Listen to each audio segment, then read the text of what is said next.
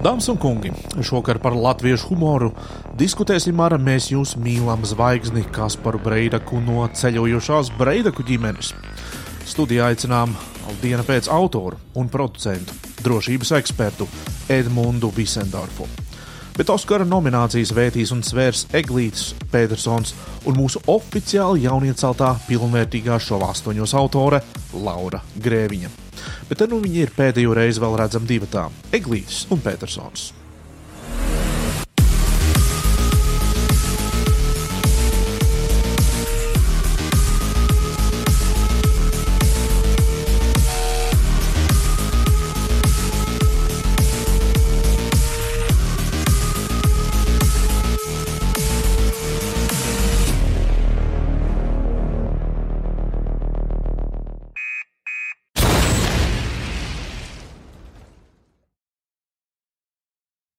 Nu, tad esiet sveicināti šajā pavasarīgajā dienā, jo tāda sajūta ir, ka reāli pavasaris nāk, jo dienas paliek ar vien garākas, ar vien garākas. Pasties, cik man vakarā tie ir gaiši. Ja? oh, jā, man arī. dienas gaisma. dienas gaisma jau spīd. Tā kā tas viss ir forši. Nu, nu, nu tradicionālais jautājums. Kā tava nedēļa? Burvīgi. Es biju Berlīnē, es atgriezos no Berlīnes, tik daudz visādi jauku piedzīvojumu, pārdzīvojumu, nu, es esmu supernovas gaidās.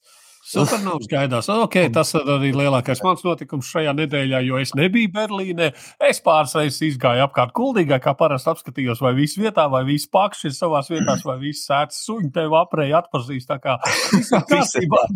viss ir kārtībā dzīvojot. Man jā. jāsaka, ir, ka viss šī nedēļa patiesībā pagāja mediānas zīmē, jo Uh, tie, kas nav pamanījuši, es domāju, nav pamanījuši daudz. ir, neviens nav pamanījis. Uh, ir, ir mediāna? Diena pēc ir uh, izdevusi jaunu raidierakstu, un, un tas ir tāds, kā varētu teikt, mans autora darbiņš. Uh, mediāna ir. Um, Nu jā, raidieraksts par ekonomiku, finansēm un uzņēmēju darbību. Ēterā mēs esam ceturtdienās, tātad dienu pirms uh, pirms, pirms šova astoņos, uh, un arī, protams, TV4 otrdienās vakaros. Tā kā visiem, kam interesē ekonomika, vesels divas stundas var izklaidēties, klausoties un skatoties uh, jauno raidierakstu mediānu. Cik viss ir slikti ekonomikā, ja divas stundas absolūti izklaidēties. Cik viss ir labi, cik viss ir skaisti. Kā jau tādā veidā viesi, vai tu viens pats runā, kā tur ir bijis pastāstīt? Nu, tā pavisam īsi. No, es, Es divas stundas Paldies, mēs sapratām. Kuru tas vispār, kam tas vispār interesē? Mūsu vad, vadlīnija. Labi, nu, bet mediāna ir ceturtdienās, astoņos vakarā, jā? Ja? Jā, tieši tā. Oh. Labi, skatāmies, kas nedēļā noticis.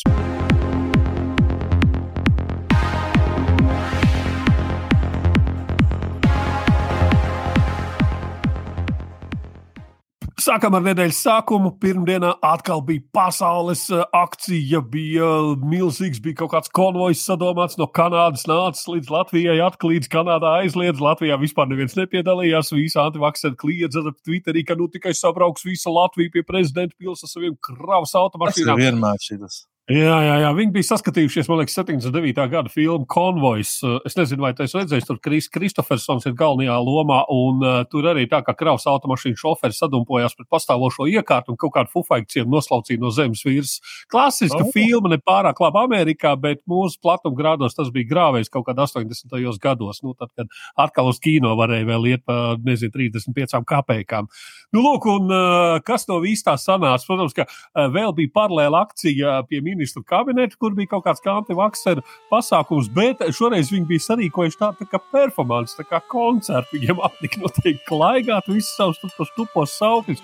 Tad viņi izdomāja, ka vajag sarīkot koncertus. Viņi bija paņēmuši līdzi mūzikas instrumentus. Un taisīja trokšņi, un es domāju, ka uh, tam visam ir. ir nu? tas ir tas, ko es saku, ka tie tra trakos izlaid atkal uh, drusku ārā no trakonām. Atkal pašaupīt, tad viņi savās busiņā un aizved atpakaļ. Jā, jā visām tām savām kaucošajām gaisa mašīnām viņi bija sanākuši un visu šito. Un, zini, kas ir tam apakšā pietrūks tikai tāds kārtīgs deviņas, to gan kalpasīgs beats, un tad diseni ir gatavi. Tā kā antivakseri rada mūziku, nu, es domāju, mums ir mazliet jāpaklausās antivakseri super uh, grāvējā.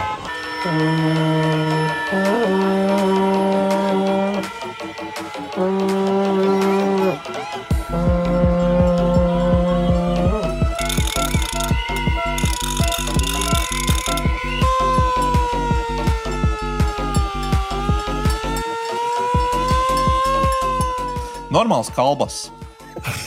normāls kalbas. Bet, starp citu, ja jūs domājat, ka tikai šāda mūzika ir laicīga mūzika, nē, tā ir pārlaicīga. Tā, es domāju, ies tāpat kā klasika, jo šādu mūziku var izmantot nu, visplašākajos spektros. Uz to var uzvest arī baleti. Tā kā nu, paskatāmies, kā izskatās šāda klasiska mūzika ar, ar, ar, ar nu, baleta skatuvēm.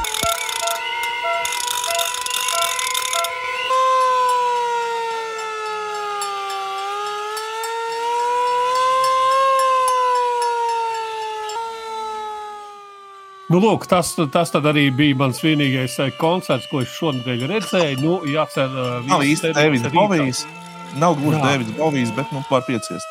Nu, neko. Nu, ja visas cerības rīt uz, uz, uz, uz, uz, uz uh, šo supernovu. Tā kā. Jā.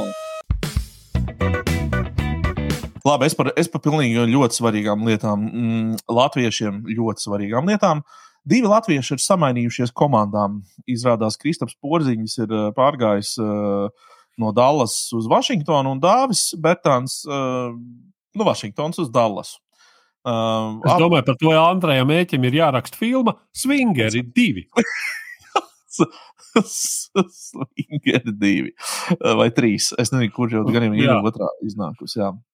Bet, nu, jebkurā gadījumā uh, komandas paliek tās pašas par ko fanot. Līdz ar to mums, latviešu faniem, nekas nemainās. Tikai nomainās figūriņas uh, laukumā. Lūk, nu, tieši tik vienkārši.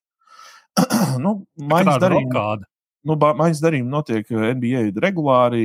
Tas nav nekāds jaunums. Uh, Porziņš tiek uzskatīts par traumatisku spēlētāju, līdz ar to uh, kā īsti negrib viņu paturēt. Kaut kā viņam maksā baigi lielu algu. Uh, nu, Dāvis ļoti savādi, kāpēc viņa dāvi paņēma. Nu, Dāvis ir tāds trīs punktu metējs, bet uh, jāsaka, ka viņš tur sēdēs uz soliņa. Viņš jau Dālasā netiks baigi daudz pie spēlē, spēlēšanas, man tāda sajūta. Bet kas ļoti interesanti, uh, Walters, tas, kurš valdes, uh, Twitterī bija uzrakstījis, ka Kristapa Porziņa karjera nu ir beigusies. Ko? Kāpēc? Kāpēc? Kāpēc beigusies? Nu, tāpēc, ka Vašingtonā viņi taču var mainīt vienu no, no komandas uz komandu. Viss ir kārtībā. Domāju, tāda līmeņa spēlētājs, kāds ir uh, Borziņš, vēl kādu laiku viņš pilnīgi noteikti uh, būs laukumā un darīs savu darbiņu. Tā kā, nu, tā kā es nezinu.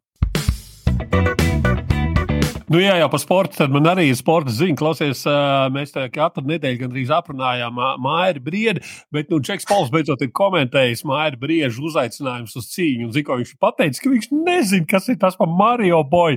Uh, this guy, Mario, um, begging me for fights. It was. This is Marius. What? Marius. Marius? I seen the tattoo, but I just I don't know who he is. But I, you know, someone was like, "A world champion got you tattooed." I was like, "Ah, uh, okay." Like I don't, I don't know what he wants from me.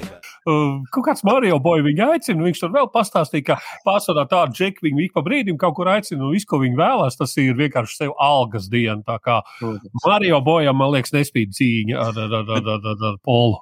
Bet, zini, kā mēs mazliet bišķiņ, bišķiņ pārvērtējam to, ka tas mm, Džeks Pols nezina, kas ir Mairs Briedis. Viņš zina. Viņš zina, viņš uh, ir izpētījis un tā tālāk.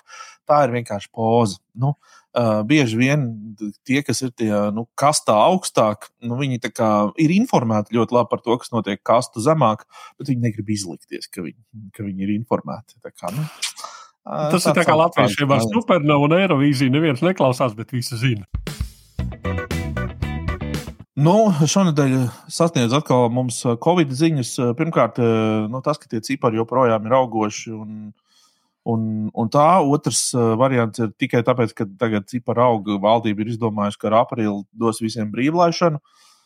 Vēl no Covid ziņām ir tas, ka Dievs ir sodījis Zbigņevu Stankēviču ar otro pozitīvo Covid testu. Ja, tātad vienreiz jau bija, tagad dabūja otro. Uh, Uh, nu, lai viņam veselība un tā, bet mums ir arī viens sērvēsts. Uh, Mārtiņš Rītiņš ir uh, aizgājis mūžībā slavenais pavārs, leģendārais uh, pavārs. Un, um, nu jā, tā arī nepiecēlās no, no tās uh, komas. Tā kā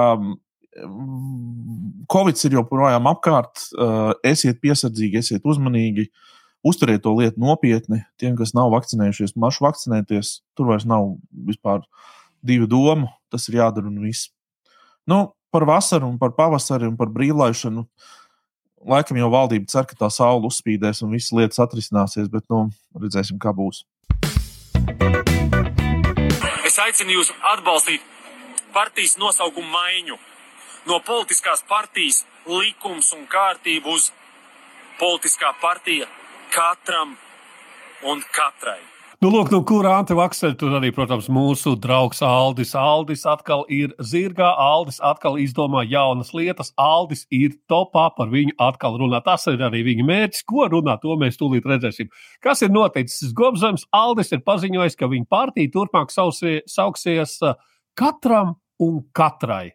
Iedomājieties, ja partijas sauksies. Un vēl, Uh, un vēl viņš ir izsludinājis uh, konkursu par partijas logo, un kā galvenā balva ir 15,000 eiro. Oh, kas sākās? Tas, kas sākās, uh, tas, ka mē, uh, to, teiksim, to viņu uh, katram un katrai saīsinājumu, kā rakstīs kaut kur, tas sanāk loģiski kaka. Nu, tā kā bez jautājumiem. Jā, nā, Alans iekavās vienmēr būs rakstīts kaka. Jā, kaka. Um, jā, bet zini, kā uh, šitā runājot par katram un katrai, tas izklausās mēram kā savulaik bija Kuldīgas televīzijā 94. gadā. Uh, atnāca viens vietējais uzņēmējs un, un teica, es izspēlēšu konkursā balvu.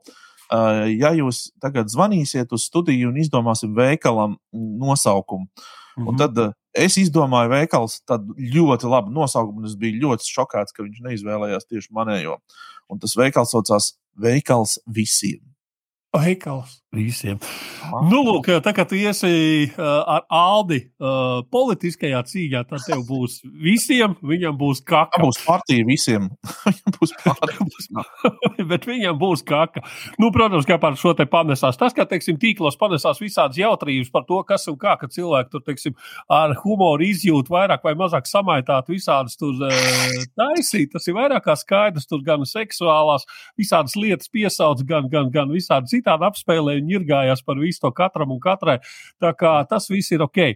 Bēdīgākais ir tas, ka daudz to paņēma nopietni, un tas ir man mīļākās, mīļākais stāsts visā šajā, jo daudz taisīja logo visā nopietnībā. Un tur ir ko redzēt, tur ir ko redzēt, tur ir spoguli apvērsti kā burtiņi, kur apakšā kā kājiņas ir sadavušās rokās. Es nezinu, pēc kā tas izskatās, tas ir briesmīgi.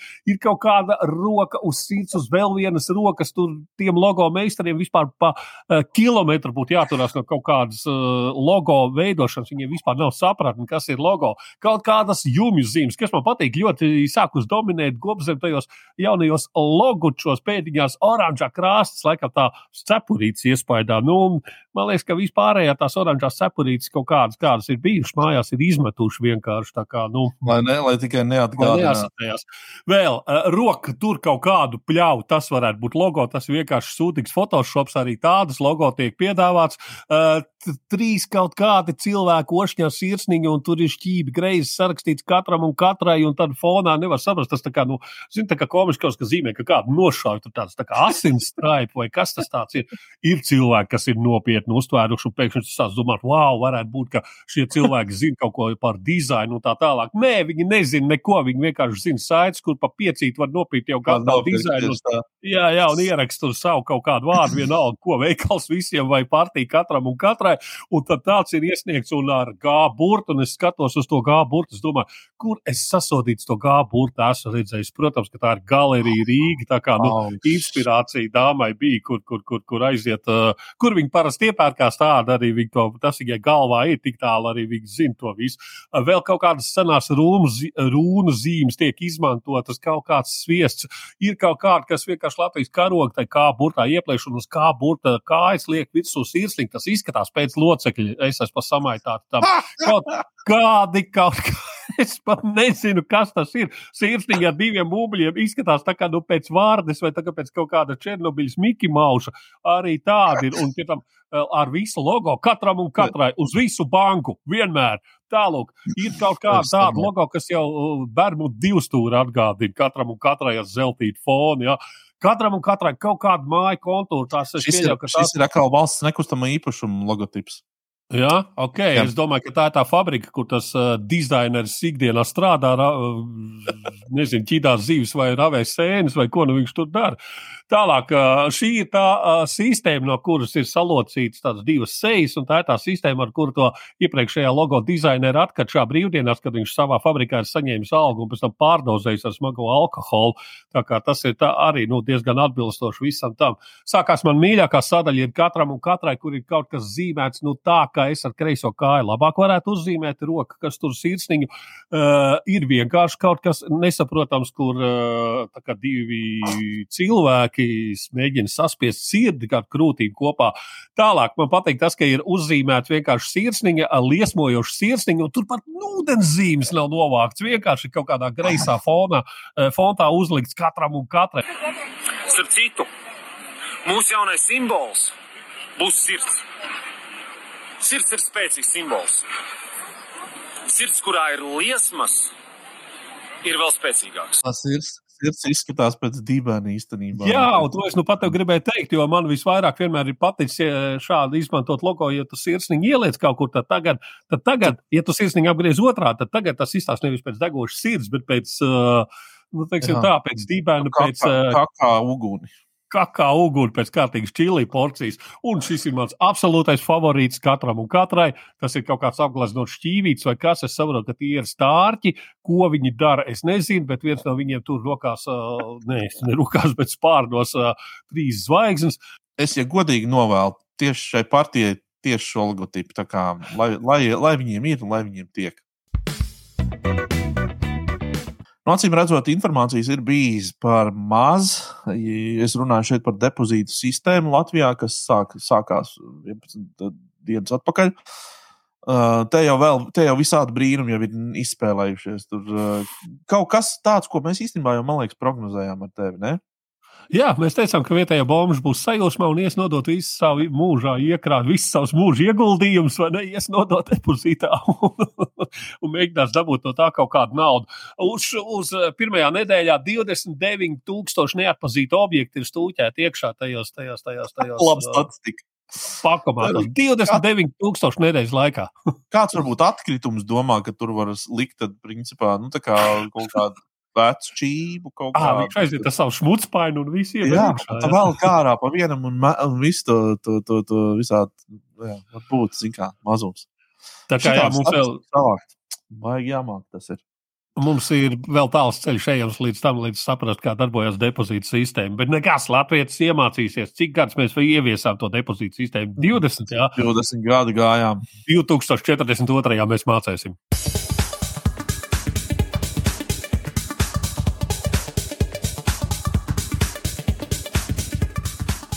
Nu, Klau, un es domāju, mums pavisam noteikti ir uh, jauna sadaļa parādījusies. Tās ir kriminālas ziņas, jo kriminālas ziņas Latvijā ir viens no unikālākajiem. Klausies, kas ir atkal kāds stāsts ar nosaukumu Sveiciens no 90.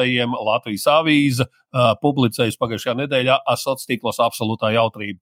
Kas ir noticis? Notikušas ir nopietnas lietas. Zemgals rajona tiesa par slepkavības mēģinājumu piespriedusi Viktoram kādam sešu kādus cietumsodu. Asņaino notikumu pamatā loģiski greizsirdība. Pusmūža inteliģents pārīts ir dzīvojuši, abi ir bijušie jēlgaunieki, bla, bla, bla. Nu, tur jau desmit gadus dzīvo Norvēģijā. Lilija ir diplomēta anestezioloģija, Viktors strādā par pasnieku un šoferi. Māja, trīs bērni, kredīts, viss, ne, nekas neliecina par kriminālu, nekādu nelaimi nav notikusi. Viss kārtībā šeit vēl pagaidām ir. Viss ir kārtībā. Tālāk sākās gaisa rīčīs. 19. gadā Viktors ir atbraucis uz Jālgavu apciemot mācu, un rasts 6. oktobra vakarā negaidīt ieradies privātā mājā Valgundē. Ar medību bisi nomērķējis uz Andri, kurš sēdējis divānā, nospiedis gaili, taču nekas nav noticis. Tad Viktors izvilcis nazi un divreiz iedūts Andrim kaklā. Domā, ka tas beigts, viss paņem vīlu un tā tālāk. Jā. Tālāk seko jau, jau, jau, jau, jau liecinieki. Bija atlaidies dīvainā un iesnaudies, gaidīja superbingo izlozes pārraidi televīzijā. Tad pēkšņi ienāca šausmīgi dusmīgs vīrietis, kur pirms tam nepazina pārmetu, ka guļu ar viņa sievu. Viss, jā. Uh, pēc tam man nav pretenzijas pret Viktoru pat par mobilo telefonu, ko viņš paņēma. Kauns teikt, kāpēc Viktors atnāk, satikos ar viņa sievu Liliju. Es negulēju ar viņu, mēs tikai kopā lietojām alkoholu un dejojām. Nu, lūk, visam, visam šim ārprātam rezultātā ir 58 šūnas uzlikts, bet Džekam nav pretenzijas pret to, vai ne? Uh, Pat pēc notikušā Andris esot ticies ar Līliju, iedzēruši sievieti, pat esot sev piedāvājusi, lai vīru netiesājot. Andris lepni atbildējis, es jau neesmu nekāds mauka biksēs. Ko tu te iedomājies, sieviete? Jā? Nu, lūk, un, un, un, un Izrādās, ir vēl kāds liecinieks, kas ir uh, liecinājis par to, par to, tā, to tiksim, Jānis esot. Ja? Viņš tobrīd esot atradies notikuma vietā. Sākotnēji Jānis bija teicis, ka uh, aizgājis makšķerēt, bet, kad atgriezies, Andris teicis, ka nejauši sagriezis sev kaklu, kad mizojas kartupeļus. Šis ir Gaisa Ričijs. Šīs ir gaisa ričijas, var vienkārši mācīties. Tu mizo, ar ko tu mizo? Tu, tu ar katānu, no ar to samuraju zobenu mizo kartupeļus, ka tu netīšām sagriezies. Ja. Mizojot kartupeļus, zini, man kādreiz bija topā jociņš, ka griež šitā maizi un nogriež sev galvu. Nu, te kaut kas tāds reāli domājis, kā uh, uh, varētu tā būt. Bet Jānis ir melojis. Policija izmeklētāji noskaidrojuši, ka patiesībā Jānis tajā brīdī ir virtuvē vārījis pēlmeņus, kad ienāca svešinieks un taujājis pēc Andra. Oh, nu, viņš nav sēdējis divānā un gaidījis superbingo. Kā tā nu, var melot? Kā šitā var vēlot? Nē, nē tas tas makšķernieks bija tas, kas, à, tas, kas sagriezās, tas kā reizes superpingo gaidīja, zin, kā ieguldījis naudu. Nu, lūk, tā sieva arī tiesā noliedz, ka bijušas intīmas attiecības ar Andru četras reizes bijusi ciemos pie viņa mājās. Vīram to neteikusi, bet viņš to ir nojaucis četras reizes, bija ciemos pie svešu vīriešu. Un tagad ir labākais teikums visā rakstā. Ar vīru bijusi pauze attiecībās, tagad viss kārtībā, tikai katrs dzīvojot savā valstī. Viņa mājās Norvēģijā, vīrs cietumā Latvijā. Nu, lūk, un izrādās, ka to uh, nazi tas džeks ir paņēmis līdzi netīšām, jo viņam vienmēr jākā stāv nāzes vai ne, un, un, un tā tālāk, un tā tālāk, un tā tālāk. Uh, bet pašā beigās ir tāds tā kā, nu, atvērts beigas, lai varētu būt turpinājums šai filmai. Policija neatrada ne nazi, nebijis.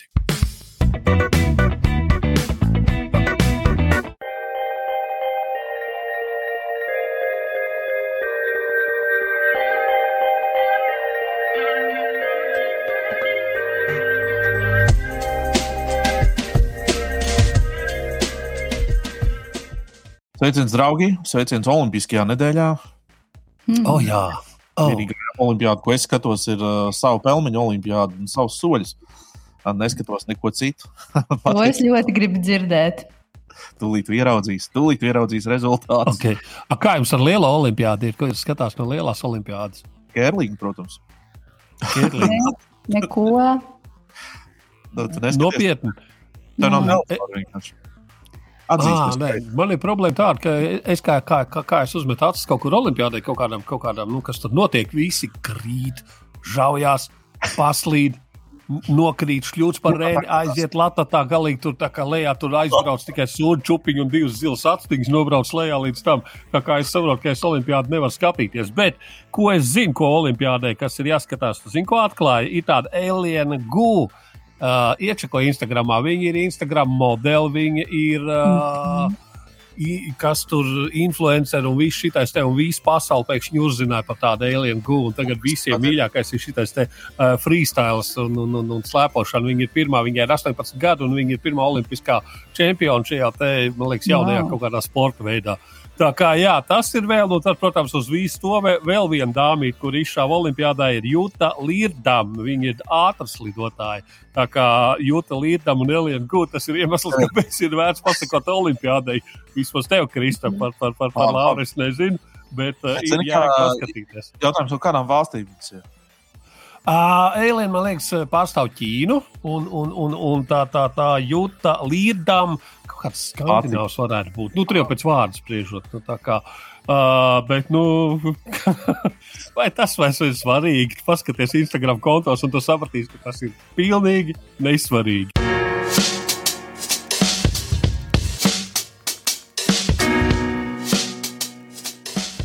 Pelmeņa olimpiādē kaut kā tā šonadēļ. Jā. Nu, tā jāpaskatās, vai datums sakrīt. Tātad no 3. līdz 9. no 3. līdz 9. Jā, viss kārtībā. Nu, skatāmies, mēs ar Eglītu esam ceturtdienu staigājuši. Piektdienas, sestdienas, svētdienas Eglīts gulējis gultā. Es esmu gājis. Bet es biju Berlīnē, tieši tāpēc es staigāju. 4000, 13,000. Es tur baigi daudz staigājos. Savukārt. Nu, izstāstā neregulāri eglītim vispār tur vienu dienu tā super daudz. Pēc tam neaktīviem. Tu laikam izlēmi jā, jāsarauj vai vienkārši tā sanāca. Tad viņš redz, ļoti vienkārši ceturtdienās ieraksts, piekdienās tu izdienas sēž montāžā, Nu, sestdienas svētdienā atkal kuldīgā bija latviešu filma. Es nespēju sevi izdzīt ārā, tad, kad reāli tev sniega uh, horizontāli kaut kādu sasalušu ledu un, un, un lietu tev met ģīmī. Es neesmu tik liels fans. Nu, tad uzspīd saulīt, tad, protams, ir jāiet ārā un, un, un, un, un, un tad atkal jāatgūst iekavētais un tā. Mm -hmm. Un, un, un, un, nu, kaut kā tā, jā, neregulāri sanāk, bet uh, kuldīgi arī, godīgi sakot, ir speciāli jāiet, jo nav baigi tā, ka, nu, tā, oh, nu tagad jānes, es nezinu, jāiet uz bīroju kaut kur otrā pilsētas galā, vai kur te viss ir. Mm -hmm. Nu, jāizdomā Trīs kaut metru kādi savi attālumā. ikdienas mērķi. Bet es lepojos ar jums. Jums ir tiešām liels progress, nu, tāds, tāds vidējais, aritmētiskais. Es varu padalīties, kā man gāja šonadēļ. Uh, man bija viena diena, kas man bija jāpavada tiešām pilnīgi mājās, un es netiku ārā, jo karantīna un bla, bla, bla bērniem. Un uh, tad es uh, varēju izskaidrot, cik man sanāk noiet tādā dienā, kurā es nekur neju. Un mans rezultāts bija 9000 soļu. Un tad tajā vakarā es domāju, es, es nes, nebojāšu šo statistiku, es to tūkstošu vēl pa mājām piemācu, lai vismaz ir tie desmit. Jo kaut kā sanāca, ja daros mājas darbus, secināju, ka nav nemaz arī tik slikti, ka tie it kā tas minimums savācās tur, nezinu, pat kā. Tur mazgājot drēbes, izkarinot, un, un tad es slaukot putekļus. Īstenībā arī tāds labs workout sanāca. Es nezinu, vai tā būtu katru dienu, jo es nedēļu sēdētu mājās, bet nu, vienu dienu sanāca. Tas sanāk, ka tu mājās vienas dienas laikā nostaigā 8 km. Tas tā nereāli. Cik tev milzīga māja ir? Cik tev Mm. maz soļi? Jā, nu nezinu, cik milzīgi, bet nav, es vienkārši nesēžu uz vietas īsti nevienā brīdī. Nu, ļoti maz.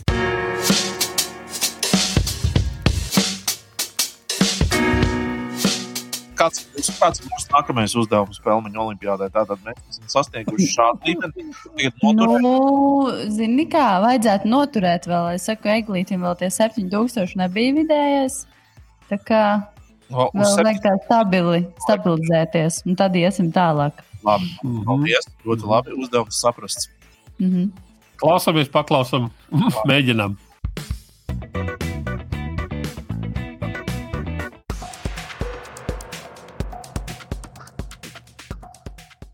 Nu, redz, un, uh, pirms vakariņām, pirms vakariņām mums ir par drošību jāparunā. Uh, Edmund, tu ar kā reizi.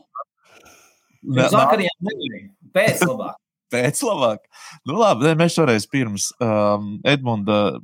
Tev pirmdiena epizode ir ar uh, Elīnu Egli. Elīnu Egli pārstāv, uh, cik es saprotu, tādā biedrībā ļoti interesants biznesa, aizsardzības biznesa. Tātad izrādās uh, arī Latvijā tiek ražotas lietas armijām, tiek raž- ražotas lietas aizsardzībai un drošībai, un Jā. tās tiek arī eksportētas, ne tikai paši izmantojam.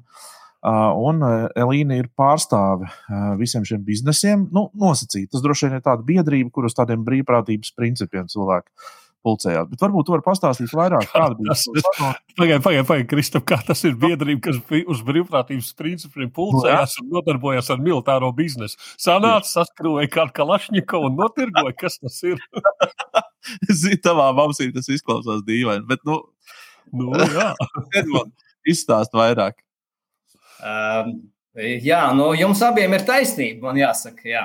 Uh, un tāpēc arī es aicināju Elīnu Egli uh, šo divu iemeslu dēļ. Pirmais iemesls, Kristap, tas, ko tu teici. Elīna Egle, pat, nu, arī neskatoties uz to viņas līdzinējo diezgan lielo pieredzi, kā prezidenta padomniecei, darbdevēja konfederācijas vadītājai un arī citām organizācijām, viņa jau desmit gadus vada Latvijas drošības un aizsardzības industriju federāciju. Un, uh, man šķita svarīgi īpaši šajā laikā noskaidrot, kas tad īsti tā federācija ir, ko viņi dara, un galvenais, kā viņa var palīdzēt mūsu uzņēmējiem uh, tikt pie tā NATO galda, pelnīt uh, reāli tagad un vairāk. Nu, tā bija pirmā lieta. Jā. Uh, otrā lieta, kas man varbūt bija maķenī tuvāka, bet arī, arī, arī protams, arī, arī interesanta, bija tā, ka pati Elīna uh, pirms apmēram desmit gadiem piedzīvoja privātu kiberuzbrukumu. Tas ir bijis aprakstīts ar agrāk presē, pēdējos gados mazāk, tāpēc jaunākiem cilvēkiem varbūt tas nebūs tik zināms, bet viņi ir viens no retiem cilvēkiem, kurš šo kiberuzbrukumu personīgi piedzīvoja kam bija arī kādas, kādas, kādas sekas, kādas konsekvences. Un man bija interesanti zināt, kā, kā šis notikums, kas ļoti personīgi viņu skāra, kā viņi tik tam pāri un kādas konsekvences, kādas secinājumus izdarīja un ko, no tā, ko mēs no tā katrs varētu iegūt. Nesam zinām raksturu bildītas ēpastos, viss, nekāds kādu tur citu mācību. Jā, bet, uh, zini, kā tas ir viegli šito ir pateikt, bet uh, tā, tā tas šķiet pirmajā brīdī. Nu, tas taču ir tik pašsaprotami. Tas pats mūžīgais šis stāsts ar tiem pašiem bankas datiem un vispārējo. Mm. Mēs to visu zinām, Edgars. Mēs to visu zinām. Bet ko mēs darām? Es, es, jums varu, es jums varu atklāt tādu mazu noslēpumu, kuru daudz cilvēku nezina. Un es ceru, ka tas nebūs nekas tāds mm, ļoti, ļoti, ļoti liels. Starp mums runājot, Edmunds, starp mums runājot. Es zinu, jā, jā, jā. Bet, piemēram, daudzi tiesību sargājušo iestāžu darbinieki un arī vadoši darbinieki, vismaz kādi trīs personīgi pēdējo trīs gadu laikā ir piedzīvojuši kiberuzbrukumus. Tas nav saistīts ar kādu jauku meiteni pirms desmit gadiem, un stāsts nebija gluži par bildītēm. Viņas tur bija iesaistītas, bet stāsts jau nebija par bildītēm. Stāsts bija par kaut ko stipru, stipru vairāk. Un, um, viņas atziņa par to um, un, un spēja par to runāt, manuprāt, ir ļoti vērtīga visiem šobrīd. Un trešā lieta, kas manī ļoti, ļoti uzrunāja, ko es negaidīju, bija viņas kā vadītājas, bet pamatā tomēr kā mātes ieteikumi vecākiem par bērnu drošību ikdienā. Ko tad mēs varam darīt? Un tas, visas tās trīs lietas, vienā cilvēkā man tā, nu, reti kad saliekās, un es, šī, šis bija viens no tādiem labiem pārsteigumiem, kas beigās man palika pēc sarunas. Visnotaļ, manuprāt, tāda pielādēta, vērtīga un vajadzīga saruna šobrīd ikvienam. Jā, es pilnīgi piekrītu. Uh, kā saka, bija klāta un valsts klausījos, man ļoti patika, un es, uh, un, un Edmunds, es arī uh, aicinu visus klausītājus un skatītājus pirmdien ieslēgt, uh, um, ieslēgt mūsu dienu pēc kanālus, piedarbināt. un, un, uh, un paskatīties, paskatīties jā, šo sarunu. Edmunds, kā tev citādāk iet? Kāds vispār noskaņojums ir? Uh, es teikšu, ka noskaņojums ir, ir, um, ir man ir uh, mazliet skumīgs jo es nesen, burtiski biju vienā seminārā, piedalījos.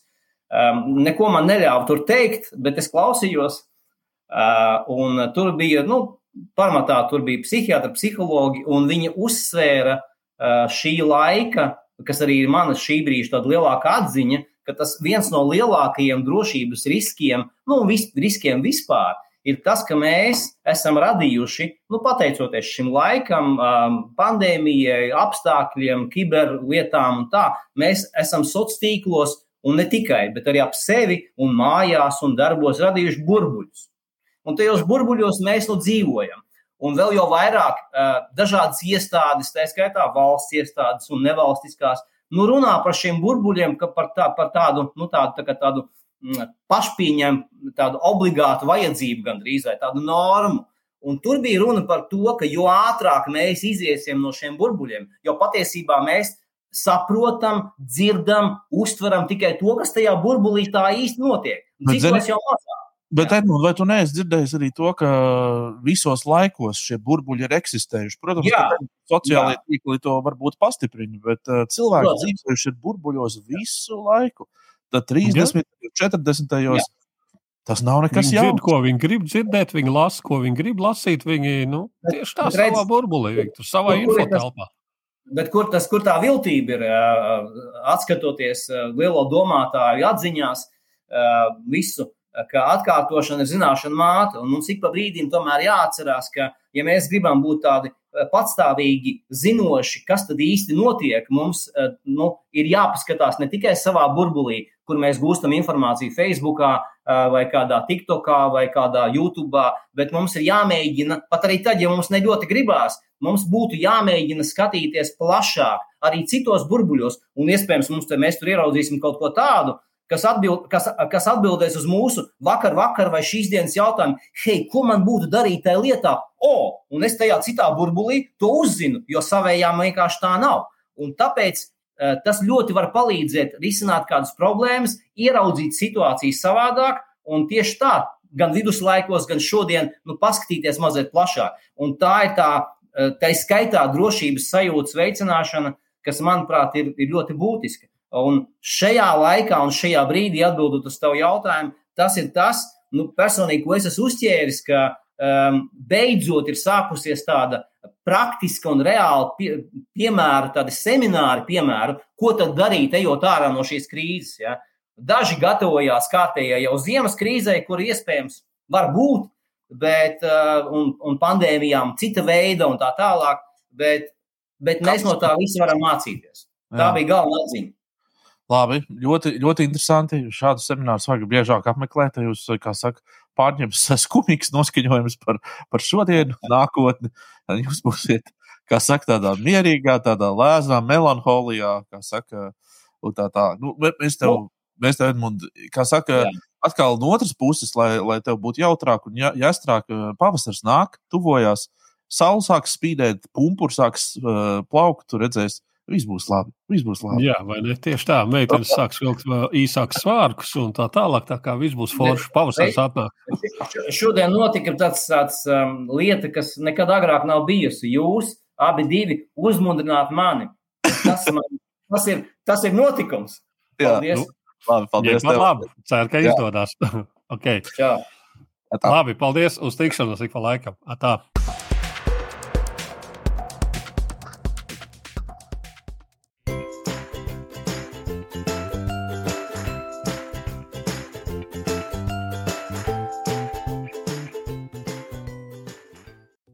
Nedēļas stāstīju, ka došos ar draugu vakariņās uz vienu no Rīgas jaunākajām karstajām vietām, jeb Teils, kas ir jūras velšu restorāns, viens no jaunajiem.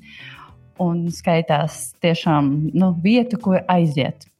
Un tad nu, es arī aizgāju, jo jūras vēl tas ir tas, kas man arī ko man patīk izvēlēties, vairāk vai mazāk apmeklējot iestādes, jo tas ir tas, ko tu mājās to visu nevar dabūt. Tu netaisi sev tur uh, visādus zivju tartarus un, un, un, un ko tik vēl tur ne, vai ne? Restorānam ir vieglāk tos produktus liekas, iegādāties un pagatavot tā, kā viņi būtu jāpagatavo. Un, uh, es teikšu tā. Bija jauki, bet es neesmu līdz galam sajūsmā Tieši es runāju šobrīd par tēls. Restorāna tēls, kur, kur, kur šefpavārs ir viens no tiem, kas ir arī zivju letēji, kod, visā, teiksim tā, gandrīz visām Rīgas zivju vietām. Un tas, kas man nepatika, uh, bija tas, ka mēs ieradāmies šajā vietā piekdienas vakarā. Un mēs ļoti ilgi gaidījām, kad pie mums kāds atnāks un, un iedos ēdienkarti. Un pas, nu, kā, mēs nejūtāmies īsti gaidītas, un tas uzreiz tas pirmais. Cik skaitās ļoti ilgi, apmēram, nu, tev, tā, kā tev liekas, kā, kā būtu jābūt? Nu, man liekas, ka gandrīz desmit minūtes tās bija. Okay, labi. tas ir ilgi. Tas ir ilgi. Un, uh, ir tā sajūta, ka tu īsti nezini, kā, ko darīt. Man tā kā jāiet pašai pēc ēdienas, vai kaut kā jāpamāja tur. Kā, jo bija tā sajūta, ka ir, tāds, ir tāda karstā stunda, un ka viesmīļi ir ļoti aizņemti ar saviem eh, citiem klientiem, kuri izskatās pēc viņu draugiem. Nu, viņi stāv un plāpā, un, un par, par, piemēram, mums tur kā, kā, nu, vienkārši ne, nepamanīja. Uh, bet nu, sagaidījām to ēdienkarti, pasūtījām, un par ēdienu es nevaru mm, tur vispār piesieties. Uh, bet man pietrūka nedaudz tā stāsta par to, ko man tur īsti dod un kāpēc. Un, un varēja, laik, es nezinu, vai pavārs bija uz vietas, bet nu, viņš neparādījās jau parasti jau tādās vietās. Tev atnes ēdienu un pastāsta, kas tas ir. Bet šobrīd bija tā, ka tev noliek, un tu pats domā. Tas, tas vien, ko tu esi izlasījis ēdienkartē, jā, cik cītīgi. Es pasūtīju um, jūras velšu seviča, kas skaitās nu, svaigas jēlas um, jūras veltes. Ar visādām piedevām, un otrs ēdiens es izlēmu nedaudz eksperimentēt un pasūtīju zivju kebabu. Zinot, ka tas nebūs vienkārši kebabs kā kebabs, bet kaut kas tur interesants būs. Un tad man atnesa to, un es domāju, ļoti ilgi domāju, ko man ar šo darīt. Tagad, kā man viņu ēst, es nesapratu. Es tiešām nesapratu. Jā, arī bildē var redzēt, ka es, nu, tur ir visādi kā tur maizīte, kaut kas, kaut kas, bet es, man būtu ļoti tiešām gribējis, lai man kāds paskaidro. Bet es nenorakstu šo vietu. Nu, tā kā oh, ne, neiet pārvērtēts un, un viss ir slikti. Es noteikti došu to otro iespēju un uh, došos kaut kādā darba dienā, varbūt pat dienu, kad ir pilnīgi cita atmosfēra. Jo es ticu, ka tur pieredze arī var būt laba.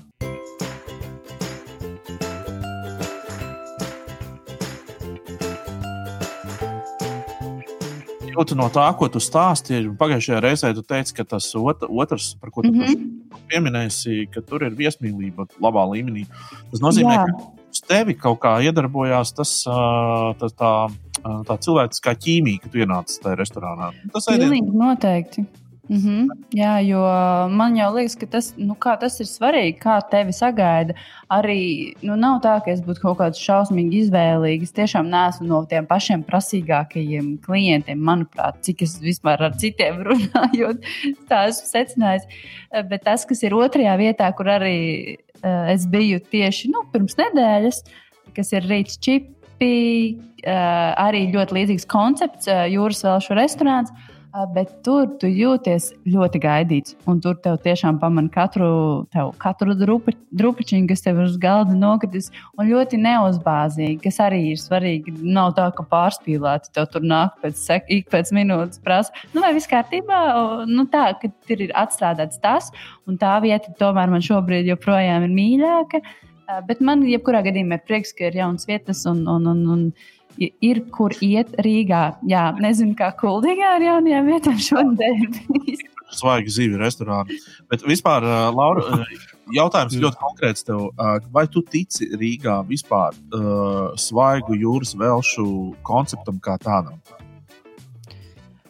Es ticu, ka šajās vietās tie produkti ir labāki nekā kurus tu vari iegādāties varbūt pats. Mājās? Jā, nu, tas nu, nav mums jā, kā, kā tavā Berlīnas pieredzē, kad no Japānas atved vai nu, no zivju tirgus taisno ar lidmašīnu. Tā nav, bet uh, es domāju, ka ir ok. Tu, tu kā sakās, nu, ir, ir ok, labi. Nu, pieņemsim to, jā. jo es atkal vienmēr esmu bijis diezgan skeptisks. Uh, tieši iemesla dēļ, ka, nu, labi, es zinu, ir piegādātāji kaut kādi, kas ar to strādā profesionāli un tā tālāk.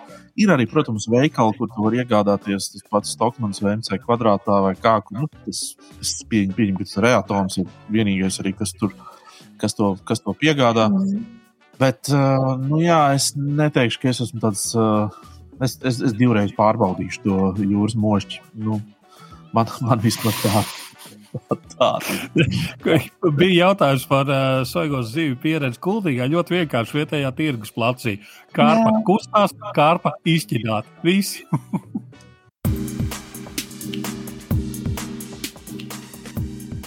Tad mums, uh, mēs esam pāēduši, vai ne? Saki man, lūdzu, Laura, kas Jā. ir svarīgi? Svarīga lieta ir Čāls aizved dāmu uh, randiņā uh, uz jūras velšu restorānu. Un tagad pienāk tas rēķins, nu tad saki mums, kā apmēram ir nu, tā, nu, ar ko jārēķinās.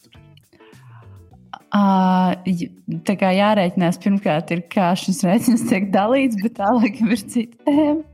Nu, vai tā kā viens maksā, vai abi.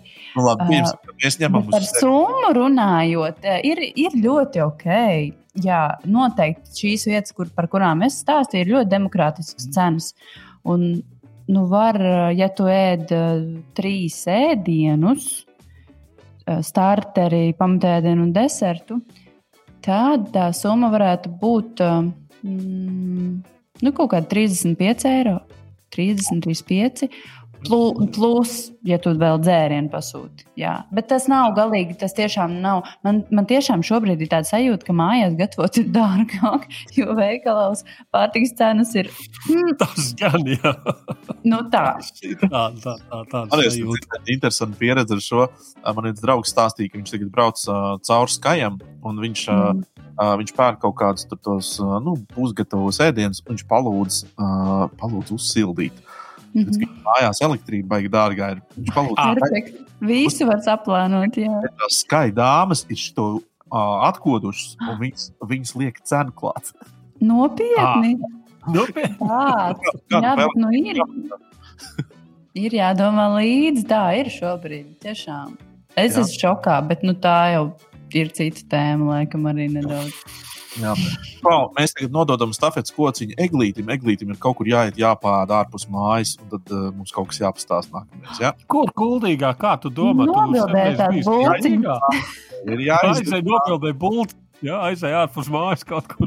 Uh, vēl nav tā sezona, uh, vēl nav tā sezona, ka vajag gribētos kaut kur vilkties ārā kaut kur. Uh, Uh, mm, labi, jā, nu, labi mums... mēģināšu kaut ko izdomāt, baigi nesoli, bet uh, redzēs, kā nedēļa iegrozīsies un tā tālāk. Mm. Uh, un, un, un, un, un, jā, labi, ok, pamēģināšu. Un nu, vakar viesis ciemos pie mums no Eiropas. Kaut kur Eiropā viņš ir. Kaspars Breidaks ir aizdevies ceļojumā kopā ar ģimeni un uh, ir tagad pieslēdzies um, šovam astoņos. Uh, Izrādās, nu, protams, tie, kas ir sekoju, sekojuši līdzi, zina, ka viņš kopā ar Ralfu Eilandu ir apvienībā Mēs jūs mīlam. Uh, un uh, šie ir, tur, protams, viens otru visādās ākstībās mēģina pārspēt. Un lielākais triks ir tas, ka Eilands ir iedevis, uh, iedevis um, dziesmu uz supernovu. Un, uh, un, un, un, norādījis kā kontaktpersonu Breidaku. Šim zvana, un tas, ko nezinu, kas, tā, kas pa dziesmu. Var sakot, uh, jā, divi šādi te, uh, humoristi mums Latvijā ir. Uh, par latviešu humoru mēs arī parunāsim ar Kasparu Breidaku.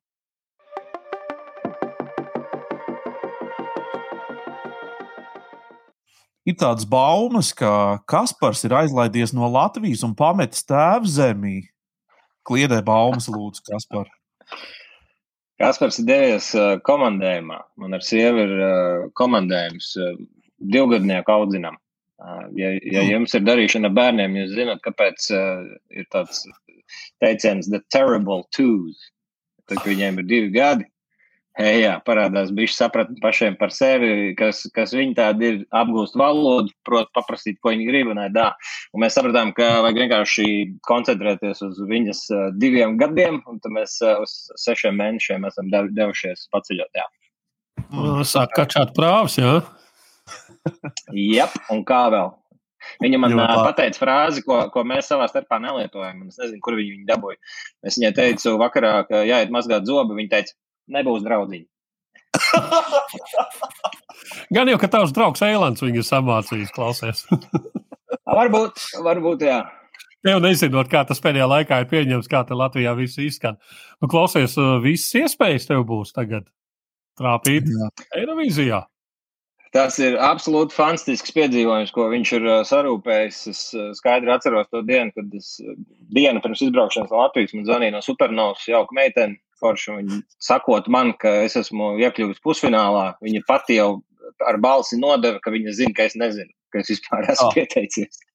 Un, un, un tas, ko Rauls ir izdarījis, ir vienkārši nu, kolosāla draudzības manifestācija. Mēs viens otru šitā čakarējot esam aizdauzījušies līdz tam, kad pateicoties skatītāju atbalstam, mums tiešām ir iespēja tajā finālā ņemt un pacīnīties mm. pa īstam. O jā. Kā tev pašam patīk gabals? Man ļoti patīk. Um, pati dziesma ir ritmiski iesaistoša, forša, um, un uh, pats uh, viss tas priekšnesums, uh, līdz kam mēs tur esam aizfutbolējušies, manuprāt, ir absolūti burvīga atbilde Eiropai. Un, ko es ar to domāju? Man liekas, ka mums ir laiks jau sen atmest to pazemību un pieticību un uztraukties par to, vai Eiropa mūs sapratīs. Ir jautājums par to, vai mēs Eiropu saprotam. Un man liekas, ka ar šo priekšnesumu mēs to viņu saudabīgo rotaļu ļoti labi saprotam. Tāpēc Jā. man ļoti patīk tas, kādu darbu ir ieguldījis Rojas un, un Meitens, kas, kas, kas dejo super. Starp citu, um, uh, Bučs liek sūtīt uh, Laura Grēviņu, un viņa, mēs kopā balsojām par uh, supernovas dziesmām, un, mēs sūtām jūs uz. uz Jā, cik forši. Mēs, mēs kā žūrī balsojām. paldies! Pakluso, paldies! Jā. Pakluso! Jā, nu super. Pagaid, kurā valstī tu tagad esi izstāstījis? Tu ceļo mēs visu laiku. Esam Jā, mēs esam Spānijā. Mēs iesākām ceļojumu Francijā. Tur, tur nodzīvojām mēnesi. Padaudzījāmies. Nu, ne gluži apnika, bet meitenēm ļoti gribējās siltāku, siltāku laiku. Un, un Spānijā ir siltāks. Mēs esam Granadā. Tas ir dienvidu puse lejā, un, un tad pamazām kuģojam uz Portugāles pusi. Ļoti forši ir tas, ka nu, viss, viss vienkārši laikam slēpjas saulē. Es nezinu, nu, mums ir līdz divas dienas. Tieši divas dienas mēneša un, un, un desmit dienu laikā ir līdzi. Kas tas un uzreiz, un uzreiz ir sajūtas, vai ne? Uzreiz nu, protams. kaut ko dara. Mums iespīd saule un, un uzreiz ir pilnīgi acis uz kātiņiem un, un, un gribās skriet un diet un, kā saka, zauzīties. Absolūti. Jā. jā, tas pats, kas ar augiem. Nu, viņi arī saulē atverās. Cilvēks arī atverās. Ja tu ziemā mūsu ilgstošā vai, vai, vai, vai īsākā, es tajā pufai tā ieraucu, nu, protams, ka tu neizskaties baigi komunikabls citiem. Jā. Tāds atvērts. Jā, jā kaut vienu par Kenijas tur acis vien te vārā. Jā, jā, jā. jā. O, forši, mēs varētu būt draugi, izstāst tev labi pieri. jā. Klau, uh, tas, kāpēc mēs tevi esam aicinājuši, ir uh, parunāt nedaudz un, un, un kā saka, pabrainstormot šeit par, uh, par, par latviešu humoru.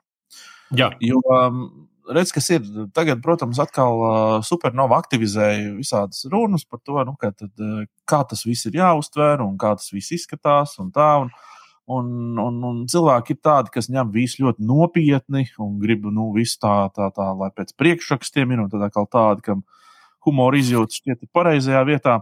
Bet, nu, ko es varu pateikt, pareizā vai nepareizā? Kā tev šķiet, mums Latvijā nu, tas, kā ir ar to humoru? Kā, tev, kā, kā tu vērtējumu dotu? Mūžīgais nu, jautājums ir, ir vai nav Latvijā? Jā, jā. Humors? Mums ir saudabīga humora izjūta. Bet to var teikt droši vien katrs, lai kur viņš arī dzīvot. Mēs kļūstam brīvāki Tas ir tas, ko var just gadiem ejot, un pēdējos desmit gados pavisam noteikti. Mēs pieļaujam arvien vairāk atkāpes no normas, un, un tas ir tikai normāli, ka lielai daļai sākumā kaut ko jaunu ieraugot, pirmā reakcija ir, ka tā nedrīkst, ka, ka tā, blā, ko, ko jūs iedomājaties par to smieties, vai, vai vēl nezinu, kas. Tur ļoti daudz aspektu, kas to veido. Bet man patīk tas, ka ir progress. Man patīk tas, ka ir arvien vairāk drosmīgi cilvēki, kas nekautrējas būt sūdīgi kaut kamā jaunā. Restīvi, ka, tā, tā jokošana vai stand-ups, nu, viņš jau tagad tikai tā pa īstam veidojās pie mums. Stand-ups tieši. Un, un, un tas, man liekas, ir labi. Mūsu dziesmas kontekstā arī bija viens tvīts par to, ka, ak, Dievs, vai tiešām tas reprezentē Latviju. Vai tiešām tā, tā būs tagad Latvijas vizītkarte? Var saprast arī šo sajūtu, bet te man tad gribās pateikt, lūk, nu, varbūt pirmos trīs līdz piecus gadus Eirovīzijas dziesmu konkurss bija tiešām uh, valstu kaut kāda atrādīšanās par to, kas pie viņiem notiek un kā notiek. Tas sen tā vairs nav. Sen neviens vairs uz turieni nebrauc ar upmaiņas sklaipu un nerāda septiņas fotogrāfijas ar to, kāda mums ir daba. Te, mūziķi un, un dziesmas paši par sevi vienkārši ir stāsti. Un tu balso par konkrētu stāstu, kas tad nāk līdz tai dziesmai. No, no tāda viedokļa pieejot, un, man liekas, iedziļinoties, varētu arī atslābt. Varbūt tie, kas ir, ir bijuši satraukušies par tādiem jautājumiem. Tā tad jūs nebūsiet ietinušies karogā, un nu, nu, kas notiek? Kā tā var? Kur tautas darbs? Jā, jā tieši tā, kur tauts tāds. Tas bija mans nākamais jautājums. Jā. Bet uh, tev, tev kaut kā nav kādreiz mulsinājis tas, ka tu paklausies visus tos night šovus uh, Amerikā, un tad tu pamēģini pārlikt to viens pret viens, nu, tā kā uz Latvijas kaut kādu kontekstu, un tu saproti, ka es nekādā gadījumā šo nedrīkst teikt. Man taču galva noraus, vai nu, nu, tas ir. Tā taču ir tāda līnijas pārkāpšana. Nu, tas, ko viņi var atļauties, un mēs visi par to smējamies, tajā pašā laikā, kad pārliec to uz latviešu valodu, tas izklausās baigi sāpīgi. nu, ļoti pareizi vārdi. Es to nedrīkstu tā teikt. Tāpēc, ka acīm redzot, es tā parasti nerunāju. Es tā parasti nedomāju.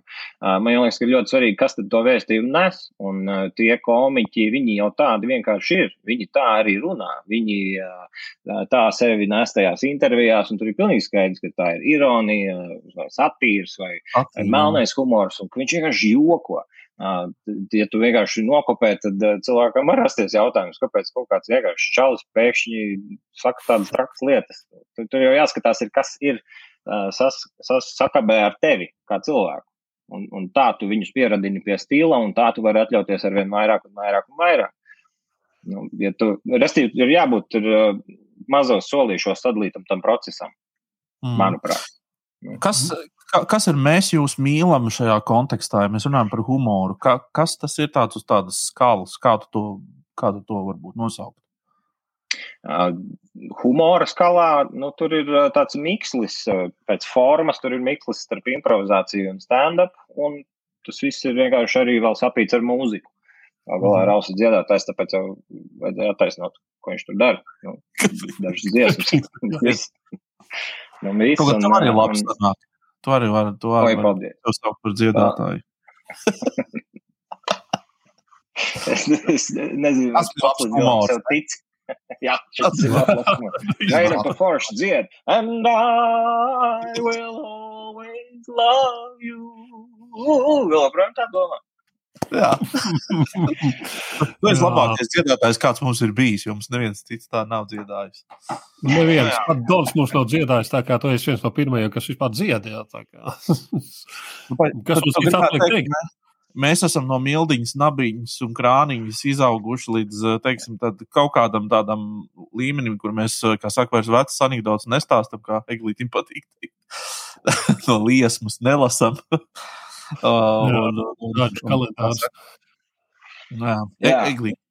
Eglīt. Es tev visu laiku pārtraucu.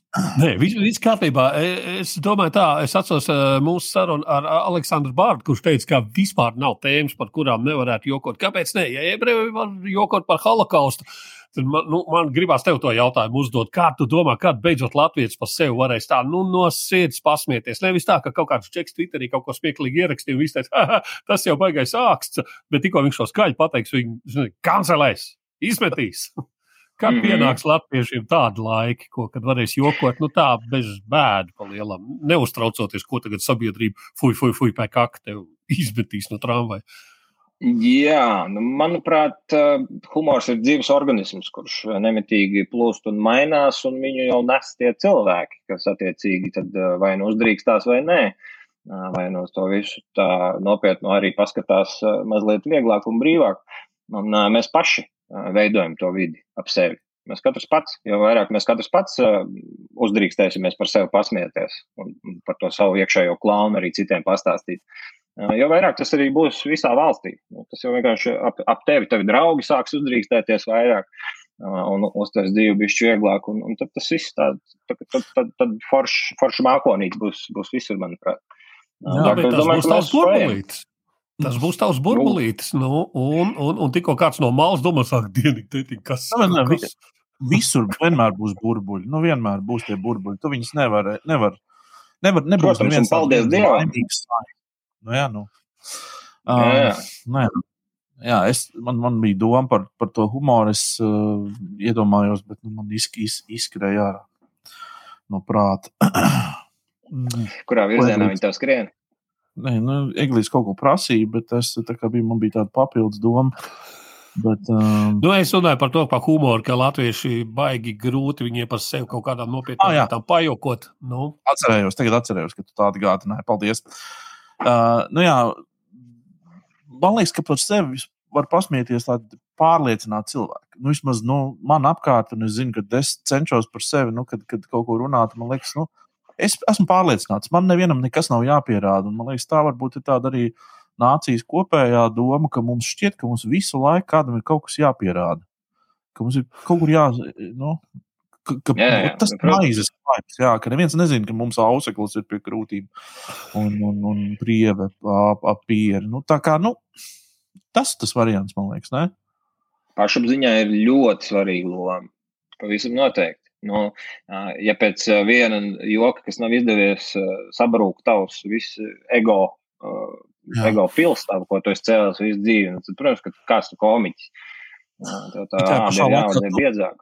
Bet tu tajā pašā laikā TED, TEDxā teici par savu nepārliecinātību un runāji diezgan atklāti. Nu, kā, kā, tad, kā tad tas iet kopā? Nu, ja, ja tu esi, tu esi tā audzis tajā visā, kā, kā tas ir?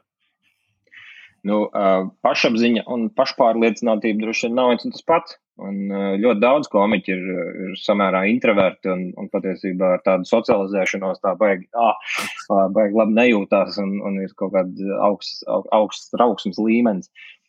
Tā ir tāda arī ierasta lieta, kas ir tiešām interesanta. Pašapziņa man nozīmē to, ka es zinu, kas es esmu, es zinu, ko es gribu izdarīt vai izstāstīt, un, un no malas to ietekmēt vairs praktiski nevar pirmie kaut kādi pieci gadi, kad es tikko kaut ko sāku darboties pēc, pēc skolas, pēc vidusskolas. Līdz 25 es biju tiešām ļoti ietekmējams no, no visām dabas pusēm. Es, piemēram, uzstājos, nospēlēju izrādi, un, un man jebkurš garām gājējis varēja pateikt kaut ko tādu, ko es reāli pēc tam pamēģināšu, un varbūt tiešām tā ir labāk. Vai, vai jebkurš gaismotājs, vienalga, cik viņš bija interesēts vai nebija interesēts, pēkšņi man pasaka, ah, tev vajadzētu vairāk darīt tā. Jā, ok, labi. Tagad jau tu esi ar laiku sapratis, ka vienkārši, nu, tagad, nu, es taču pats jūtu. Es pats jūtu, man patika tas vai nepatika tas. Un, un tas ir vispirms sev jāpajautā. Tikai pēc tam tu vari skatīties uz visām tām atsauksmēm un domāt par to, vai, vai tev ir tik ļoti svarīgi, vai, vai viss ir sajūsmā, vai tieši forši, ka kāds ir, ir varbūt pat zinu, dusmīgs un nikns uz tevi par to, ko tu pateici tajā savā jokā. Nu, bet tas uh, dzīvē, nu, tāpat kā ar augšanu. Nu, pie 30, mm. 35 tu jau sāc vairāk cienīt sevi un savu laiku, un tu sāc pats izvēlēties, ar ko tu viņu dali un, un kam tu sevi velti. Tu vairs tā nešaudies apkārt. Vai, vai tu varētu teikt, ka tu esi sasniedzis tādu briedumu, ka mm, tu sāc veidot savu rokrakstu? Tev ir savs rokraksts, tu jūti to? Man šķiet, brīvība ir mans rokraksts. Brīvība tajā komunikācijā un vispār būšanā. Man personīgi viens no iemesliem, kāpēc tik ļoti patīk ceļot, ir tas, ka tur nav nevienam vispār nekāds priekšstats par to, kāds es esmu. Ja šeit es reizēm Latvijā justu, nu, ka kāds, ka kāds, piemēram, zina, ka es taču tā nerunāju, tad tur viņiem jau nav nejausmas. Es reizēm, piemēram, restorānā nu, pasūtu ēdienu, piemēram, šādu balsi.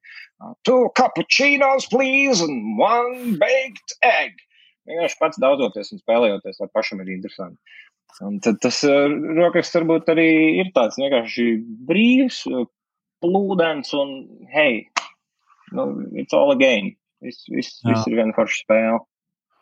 Paši īstenībā, jā, man liekas, ka šo ceļu var daudz mācīties, un tās vērtīgas atziņas, ko tu saki. Domāju, tādiem cilvēkiem, kas vēl profesijā nav nobrieduši. Es nerunāju šeit par humoru, tepat jebkas īstenībā ir. Nu, ka tu mēģini, uh, kā saka, uh, testē visu kaut ko pats sev, bet tā kā ļoti, uh, ļoti neskat, neklausies apkārtējos. Nu, tā veido pats to savu uh, stilu, vai ne? Nu, bet to ir viegli pateikt tam, kurš jau ir nostājies uz abām kājām un kuram ir jau mugurkauls tajā, ko viņš dara.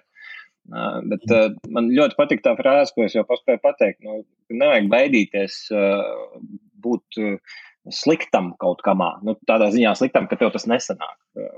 Restīvi, ja tavā nedēļā nav vismaz viena lieta, kas, kas tevi bišķiņ baida, tāpēc, ka tu to nedari regulāri, vai tāpēc, ka tu to tikko esi sācis darīt, vienalga, tas ir spēlēt skvošu pēkšņi, tu esi super labs volejbolā, bet tu speciāli tagad sāc trenēties skvošā, lai iedotu savam arī ego un sev kā cilvēkam laiku katru nedēļu, kad tu esi atkal zemējā līmenī. Lai tu nekļūsti pārāk iedomīgs, vīzdegunīgs, un, un, un, jo tad tu pārstāji redzēt Es nezinu, par ko tu runā, jo es katru nedēļu nodzīvoju, un svētdienā es domāju, cik ģeniāls es biju šajā nedēļā. Cik ģeniāls lietas, kā man viss sanāca. Kā man tad, tu sevi, tad tu sevi glezno lēnām, ne? Tā, jā, jā. jā, jā, jā, jā. Nu, viņš vienkārši nelasa internetā komentārus par sevi. Kā, nu, viņš dzīvo tikai savā burbulī. Tā nav variantu. Jā. jā. Nu, jā, es gribēju prasīt vēl par tiem, tiksim, tu teici, ka komiks pats sev būvē, pats sev veido, un viņš ir tāds, kāds viņš ir, un tā tālāk. Bet uh, uh, kur tad paliek aktieris? Kas ar aktieru notiek? Tu taču esi aktieris, tad, kad tu ej uz skatuves, tu, tu spēlē kaut kādu lomu, vai ne? Nu, nu, nu. Nu, nu, Džims Kerijs dzīvē jau arī viņš nav šis aizventura veikalā vai kaut kā tāda. Nu, tā kā, kā šis mm -hmm. nekonfliktē kaut kā kopā. Nu, katram ir savs veids, kā viņam patīk uh, spēlēties, kā viņam patīk uh, lietas darīt. Nu, aktierim patīk, ka viņam pasaka, kādam viņam būs jābūt. Tad viņš to mhm. tausta, mhm. uztausta un attīsta un dara. Nu, tas ir kā spēlēt, uh, spēlēt galdu tenisu. Nu, tev visu laiku kāds kaut ko padod pretī, pārsteidz tevi, piekuriģē vēl kaut ko. Nu, ir cilvēki, kuriem patīk spēlēt tenisu pret sienu. Jā, nu, viņš jā. Viens, viens pats ir noteicējis. Nu, es zinu, kā siena atbildēs nu, ja? nu, tas, ko tu viņai iedos, tas arī būs. Un viss. Un, piemēram, tas mēs jūs mīlam projekts, tur mēs ar Ralfiņu mēs konkrēti spēlējam pingpongu. Es kaut ko pasaku, viņš bliež pretī, tas man iedvesmo tam nākamajam. Uh, stand-upā ejot, jau tev bišķiņi jāsagatavojas un, un jābūt uh, mierā ar sevi. Tāds mm -hmm. bišķi vienkārši tas darbiņš ir rakstīt tos joks vienatnē un pēc tam nest viņus publikas priekšā, un tad jau publika kļūst par to uh, galvu tenisistu pretī. Nu, nu, labi, nu, kā, kā, kā joku vienatnē rakstīt? Nu, es nekad neesmu mēģinājis, nu, tiksim, iet stand-upā, mēģināt kaut ko. Kā tas ir? Tu sēdi mājās, domā, o, tā kā Kristofs saka, o, es esmu tik ģeniāls. Šī tas gan ir super joks, un tad aizēj un. Uh, nu, tad... Mm -hmm. Jā, es bišķiņ jūtos kautrīgi par to runāt, jo man nav stand-ups. Bet... Bet ir ļoti daudz uh, labas grāmatas par to, kā rakstīt stand-up un vispār kā rakstīt joks. Un, uh, pamatā tur ir arī nu, atsevišķas tehnikas. Tas uh, bieži vien saistās ar uh, ļoti daudz īstenībā patiesiem dzīves notikumiem. Jo nekas nav smieklīgāks par patiesību. Un tu vienkārši to patiesību pārspīlē. Uh, Un visu -hmm. laiku ir ļoti skaidrs emocijas. Eh, tu, piemēram, vari paskatīties eh, tos Netflix stand-ups eh, lielos un vienkārši pierakst pats sev, cik joki ir par to, ko tas cilvēks domā par to, par ko viņš runā. Bieži vien tie joki sākas ar vārdiem I hate public transport vai I love public mm -hmm. transport. Tad tu, tu, iedod to emociju klāt. Un caur to tu būvē to joku, kur, kur kaut kāds vēl pārsteigums, protams, būs un viss pārējais. Tā kā atsevišķas tehnikas vienkārši atrodamas, ņemti un raksti, un, un galvenais pēc tam ir, eh, ir saprast cilvēkam acīs skatoties, un kad tu viņam to stāsti, tu jau piefiksēsi. Kur varbūt viņu sāc pazaudēt. Viņam aizšķījās vai, vai nē, jā. Jā, vai bija punchlines vai nebija. Vai vēl tikai? Nu, jā, bet reiz, tas, tas nozīmē, ka tev latviešu tauta ir vienkārši masveidā jāizglīto, lai viņi saprastu jokus, kā tātad vajag latviešiem rokas grāmatu, kā smieties par jokiem. Kas ir joks? Man tas taču nav jādara. bet, eh, bet, eh, Vai to dara ja tie, kas, šobrīd eh, nodarbojas ar stand-up un raksta stand-ups un taisa savas izrādes, kam bija Latvija un, un, un Skutels, nu, tas, arī, tas arī ir viss mūsu saraksts praktiski. un, un attiecīgi, arī beidzās. Viņi, Viņi, ja viņi grib, var droši kādu audzināt. Eh, man tas galīgi nesaista un neinteresē. Tāda audzināšanas lieta, manuprāt, ir mazliet muļķīga. Dari tā, kā tev liekas, ka būtu jādara, vai kaut kur mācies, vai eksperimentē pats un daudzies, un sako pēc tā, kā tev šķiet nu, pareizi. Protams, ka mm. tu jau vari būt tas čalis, kurš saka, man ir labākais stand-ups pasaulē, bet tev vispār neviena biļete nav nopirkta. Bet viss tev iepriekšēji bija mēsli, un neviens vairs tev nav uzticēts. Nu. Tad tu esi baigi labs stand-upers pret sienu to savu tenisu bumbiņu. Man parasti, jā, man parasti ceļojumos ir uh, uznāk, uznāk tādas jaunas, visādas idejas, un tad es atbraucu mājās, tāds uh, sasmēlies, visu kaut ko. Tev jau ir tas iesitis, kā saka. Tā, tā, tā. Piedod, es bišķi aizdomājos. Nu, tā, nu, tā doma, nu, ka, tu esi, ka tu zini, ko tu darīsi, tad, kad tu atbrauks atpakaļ. Nu, tādas visādas radošas idejas un trakas. Uh, Man parasti ceļojumos tāds rodas. Es, es vienkārši domāju, vai tev jau tas ir, kā saka, šī, šis jau tev ir piemeklējis vai nē vēl. Nē, es tā tik ļoti uz priekšu nedomāju. Es šobrīd izjūtu to, ka es zinu, ka es ēdīšu biespienu. Tā kā es atbraukšu atpakaļ biespienu ar upmaisu, tas ir tas, kas ļoti pietrūkst no, no ēdieniem. Un es jau šeit ceļojot ar, ar dāmām visu laiku varu visu kaut ko darīt. Es arī rakstu tagad grāmatu par, par šo pieredzi, kā tas ir ar bērnu ceļot un, un mācos spēlēt ģitāru. Restīvi, visas, nekas jau nav apstājies. Un, un es arī negribēju, lai es ceļojumā esmu tāds pats kā mājās. Es gribēju dot sev iespēju būt citādākam. Tāpēc es nepieņēmu līdzi Playstation. Kas tur, kur tu ceļo, nevienmēr varētu būt, kur to pieslēgt. Bet, nu, okay. Jā, jā, jā. jā. Nu, jauki. Man prieks, ka tu paviesojies pie mums. Uh, ejam skatīties hokeju. Uh, vispār turam īkšķis par mūsējiem, vai ne? Un, uh, paldies tev, kas yes. paldies. paldies Jā, jums, paldies. ka jūs esat kopā. paldies!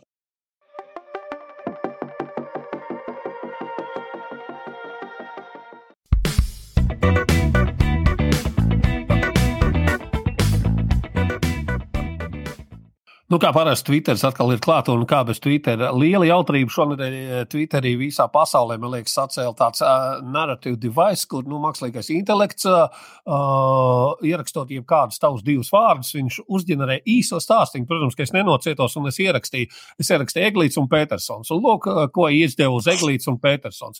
Eglīts un Petersons bija uh, vienīgie cilvēki mazā pilsētiņā Piedmontā, Aļaskā. Viņām tur bija auguši un dzīvuši bijuši un apprecējušies vairāk, ne, precējušies vairāk kā 15 gadus. Viņi bija pēdējie savā sugā. Bet, ja mēs samainām vietām Petersona reglīti, intereses pēc, kas tad sanāk? Izrādās, tad, tad daudzas ģimenes šajā apkārtnē bija ar uh, vienādu uzvārdu. Un, kad Petersona dabūja jauno kucēnu, viņi uh, domāja, ka tas ir jauns, nu, tā kā uh, pienesums ģimenei, jauns ģimenes dalībnieks. Bet kad viņi, kad viņi, at, kad viņi pārnāca mājās, viņi, viņi saprata, ka viņi ir adaptējuši vācu šepardu vārdā eglītis. Vārds aitas suns vārdā eglītis. Nu, Iesaka pasakīt, narratīvu device. Nu, tur var iekrist uz visu dienu, visādi šādas blēņas meklējot. Labi, pie Twitter. Pēters Pabērs. Mums tad arī tev jautājums, Kristap, vai tas ir pieņemami, ka vīrietis pirmajā randiņā sievietei piedāvā pimpuļu silto grūdienu? Ir? Laurai vajadzēja pavaicāt. Ak, Dievs! Nu, lūk, un, un izsākās, viss jau ir kārtībā, jo pimpuļi ir kartupeļu sūga, ja tāda, un, un, un, un gandrīz visā kursinā, dažviet rietumu zemgalā ir izplatīts kartupeļu viesputras uh, saliktais nosaukums - siltais grūdienis. Līdz ar to pimpuļu siltais grūdienis ir vienkārši silta kartupeļu viesputra. Nu, tā, es nezinu, ko jūs tur padomājat. Roberts Lambāns, pirmdiena, 31. janvārs, valsts valodas centra eksperti nonākuši pie slēdziena, ka nāves dieviete Kalī turpmāk latviskojam kā mirtante. uh, plašu vispārēju jautrību izsauca Rimija pamanītā uh, izkārne, ka par 10,99 eiro var nopirkt bērnu veidošanas komplektu. Tā kā, ja nevarat kā nekādīgi izdomāt, kā pie bērniem tikt, Rimija nāks tālāk. Nav arī uh, dārgi, kā jāsaka, saka, kā, tikai 11 eiro. Nepilni 11 eiro. Lūk, uh, Marija vaicā, ko nozīmē tavs tatu, ko nozīmē, ko nozīmē. Tas nozīmē, ka man bija 200 dolāri un neviens man neapturēja. Laižam tālāk. Jānis Baltiņš. Sabiedrībā notiekošais liecina par to, ka tehnoloģija ietekmē mēs esam sākuši aizmirst toaletes gaisa atsvaidzinātājs sastāvu. Vienkārši patinam filmu atpakaļ, ko mēs pirms smartfoniem toaletē lasījām, vai ne? Mēs zinājām visu. Tagad tā jaunatne, viņi neko nezina. Nezinu, nezinu no kā sastāv tas gaisa atsvaidzinātājs. Pilnīgi neko. Uh, Toms Lūsis. Vispār jau sāk izteikt kaitināt, ka valsts alternatīva apdāvinātākā daļa visu laiku pret kaut ko protestējot sauc savu stulbo redzējumu, pat uh, tautas viedokli. Uh, varbūt pienācis laiks arī citādam protestam, un viņš turpina ar plakātiem. Ministra kabinetā ir pāris lohi, bet principā ir ok. Piemēram, Man ir darbs. Vakar protestēja tīzleņa. Nu, kāpēc tā neiet ielās? Ne? Man ir darbs, man viss kārtībā. Nu, par ko jūs iestājaties? Man viss kārtībā, man tur nekāda problēma. Atnāc palielīties pie ministra. Man šodien viss ir labi. nu, tā kā vajag tādu alternatīvu. Evi Johansson, kad 501. dēls eh, centību nams dāvātajā grāmatā pirmo lapu izplēsu, jo negribēja novēlējumu no Ušakova un Amerika. Pietika jau, ka tās dienas avīžu virsrakstos bija Kīvičs. Otrajam dēlam uh, stāķis spēlējums jaundzimušā grāmatā paliek forši, ka patīk mērs.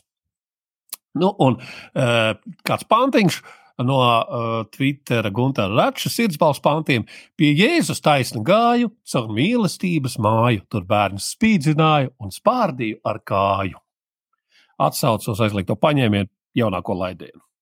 Nu, lūk, un tad pašā beigās katru reizi, kad SPKC publicē jaunus datus, man galvā noskan ķilkots ierunātais. Šodien laimīgie skaitļi apsveicam laimētājus!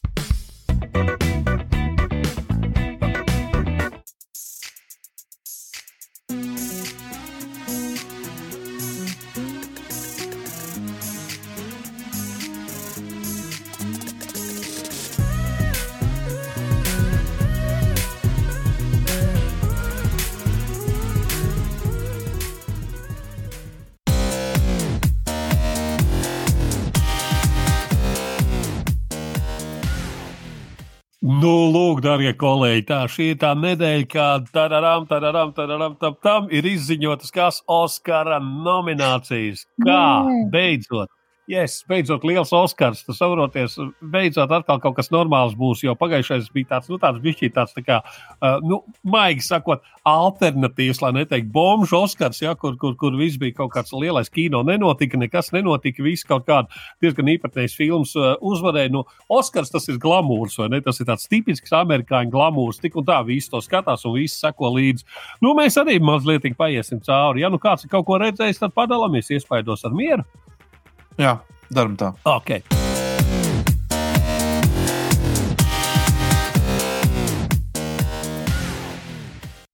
Nu, sākam, protams, ar rekordistiem. Klau, Power of Dog, uh, 12 nominācijas, uh, Dune oh. 10 un West Side Story 7 nominācijas. Man ir, es ir būt šokā par Power of the Dog 12 nominācijas. Par ko? Nopietni, par ko? Laura, tu esi šīs filmas advokāts. Par ko 12? Nu, es esmu viņu redzējuši. Tas nenozīmē, ka es viņai 12 nominācijas dodu. Nu, es ne, teorētiski saprotu to, ka nu, tās tēmas, jā, tur Oskara cienīgas. Un tas, ka tā filma ir tāda lēnāka, citādāka, varbūt nu, kaut kas tur nospēlēja, acīm redzot. Bet, nu, 12. Nezinu. 12. visās. Labi, Džūna 10. Tas arī man liekas kaut kas, kaut kas diezgan prātīgs. Vienkārši nebija. Tiešām nebija ko rādīt. Jo, kā, Džunio tomēr ir fantastiski. Nu, tā, par ko zvaigžņu kariem nav dota kaut kāda entās, nezinu, desmit nominācijas. Uh, arī tāpēc, ka amerikāņiem kaut kāds tur tas kulta romāns, tur nezinu, miljonus grāmatās, un, un, un tagad tā, tādā lēnā, ļoti domīgā, fantastiskā un tādā meditatīvā tas ir ielikts. Nu, protams, es tādu storiju. Tas man liekas, par uh, Spilbergam uh, tur tik daudz iedeva tā visādas nominācijas, lai, vi, lai okuls nomierinās, lai nelamā to Netflix, lai viņi dzīvo līdz laikam būs būs kino, būs, būs filmē, filmējam uz īstās filmas, viss kārtībā. Jā. Films, films, kas ir nominēts uz labāko filmu. Belfast Code, Don't Look Up, Joy My Car, Dūna, atkal Dūna, ne, bet Dūna. Ja? Kings Richards, uh, Pīca kaut kāda. Uh, es neesmu redzējis, uh, kas tur vēl ir.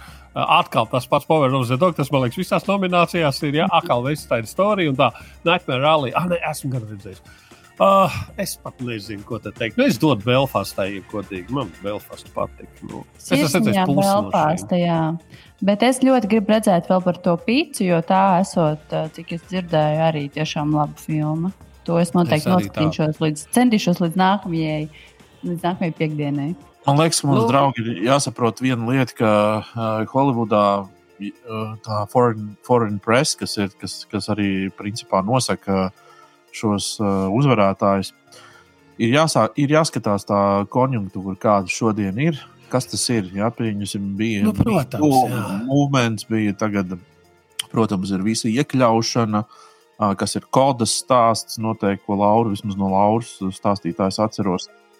Uh, un, un ir, ir jāskatās tā konjunktūra, jo pēc mm būtības uh, tas ir tas, kas arī uzvar un tas, kas iet šo plūst tos laurus. Un, un, uh, un Holivuda, man liekas, un Netflix arī ļoti labi sapratuši to, ka veidot filmas mūsdienās pēc vienkārši tāda paša scenārija, kāds tev ienāk, nevar. Viņš ir jāpieskaņo tādai šodienas tādai domai par to, kāda ir ģeopolitiskā situācija, kāds ir. Nu, piemēram, piemēram, kaut vai tas pats Don't Look Up, ja, ir it kā seriāls, nu, it kā stulbs stāsts, bet būtībā tā ir tāda, tā ir tāda nu, tāds fars. Uz ekrāna. Nu, jā, no 2000 un tas viss šitais. Bet, bet tajā pašā laikā viņš ļoti labi iezvana zvanus. Ārzemju filmu. Drive My Car, Japāna, Flea, Dānija, Akal, Hand of God, Itālija, Hand of God kas tur vēl ir. Uh, Lunana, Jaks uh, klasē, un, un, un, un, un tā man tā, tā filma, kas liekas pārvērtēta Worst Person, person in the World. Come on, ārzemju filmas. Nu, ko, Laura, dodam, dodam Laurai izteikties vispirms. Um, nē, es nepaspēju noskatīties to worst personu, jo tā karantīna sākās. Man bija plāns iet, viņš pajauc plāns. Kā, jā, nu es nezinu. Bet es gribētu to drāmai kā redzēt, jā, par to daudz tiek runāts. Es tikai nedaudz gribēju. Vai pagājušajā reizē Dienvidkorejas filma neuzvarēja? Parazīts, jā. Jā, parazīts. Pagājušā gada, bet tas bija pirms, vēl pirms gada. Vēl pirms gada, jā. Jā, tāpēc, ka saproties, bija jau tas bombs, šitais te uh, Oskars vēl pa vidu. Jā, jā, jā. Bija, tas, bija tāds, jā, tieši tas, kurš jā, jā, viņi katrs tur sēdēja savās mājās. Ne, man liekas, ka tikai redzēt Kas arī jāņem vērā, ir, ka uz ko viņi skatās, ir, ka pārāk neizcelt kaut kādu vienu reģionu. Ja tu paskatīsies, un šo, šo, es esmu, šo es esmu skatījies vienā no late night šoviem Amerikā, kur viņi tieši bija izpētījuši to, kā ārzemju filmas dabū Oskars, ka viņi ļoti arī skatās, lai, lai nav tā, ka pārāk daudz uh, iet kaut kādam vienam kontinentam. Tā kā, ja tu uzstājies, ja tu uzstājies piemēram, parazīts no Dienvidkorejas, tad Āzijai okay, nākamajā reizē tev jātaisa bagais hīts. Okay, režisors uh, Belfāsts, režisors Draimārs Kārs. Uh, atkal, uh, es domāju, ka Džēna noteikti paņems savu Power of the Dog. Droši vien. Uh, droši vien tā dāma un iekļaujošā sabiedrība, un viss šitais, un tu uzfilmē vienalga, cik garlaicīgi filmu tu gribi.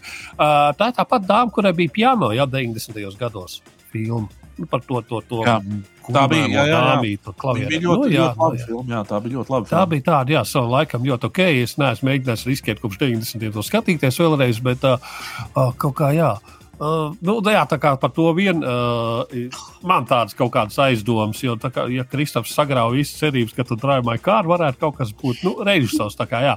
Vai arī vecajam Jarkstonim Spielbergam iedos šeit, te Oskars liecies mierā. Nē, viņam, viņam, viņam, viņam vairāk nevajag.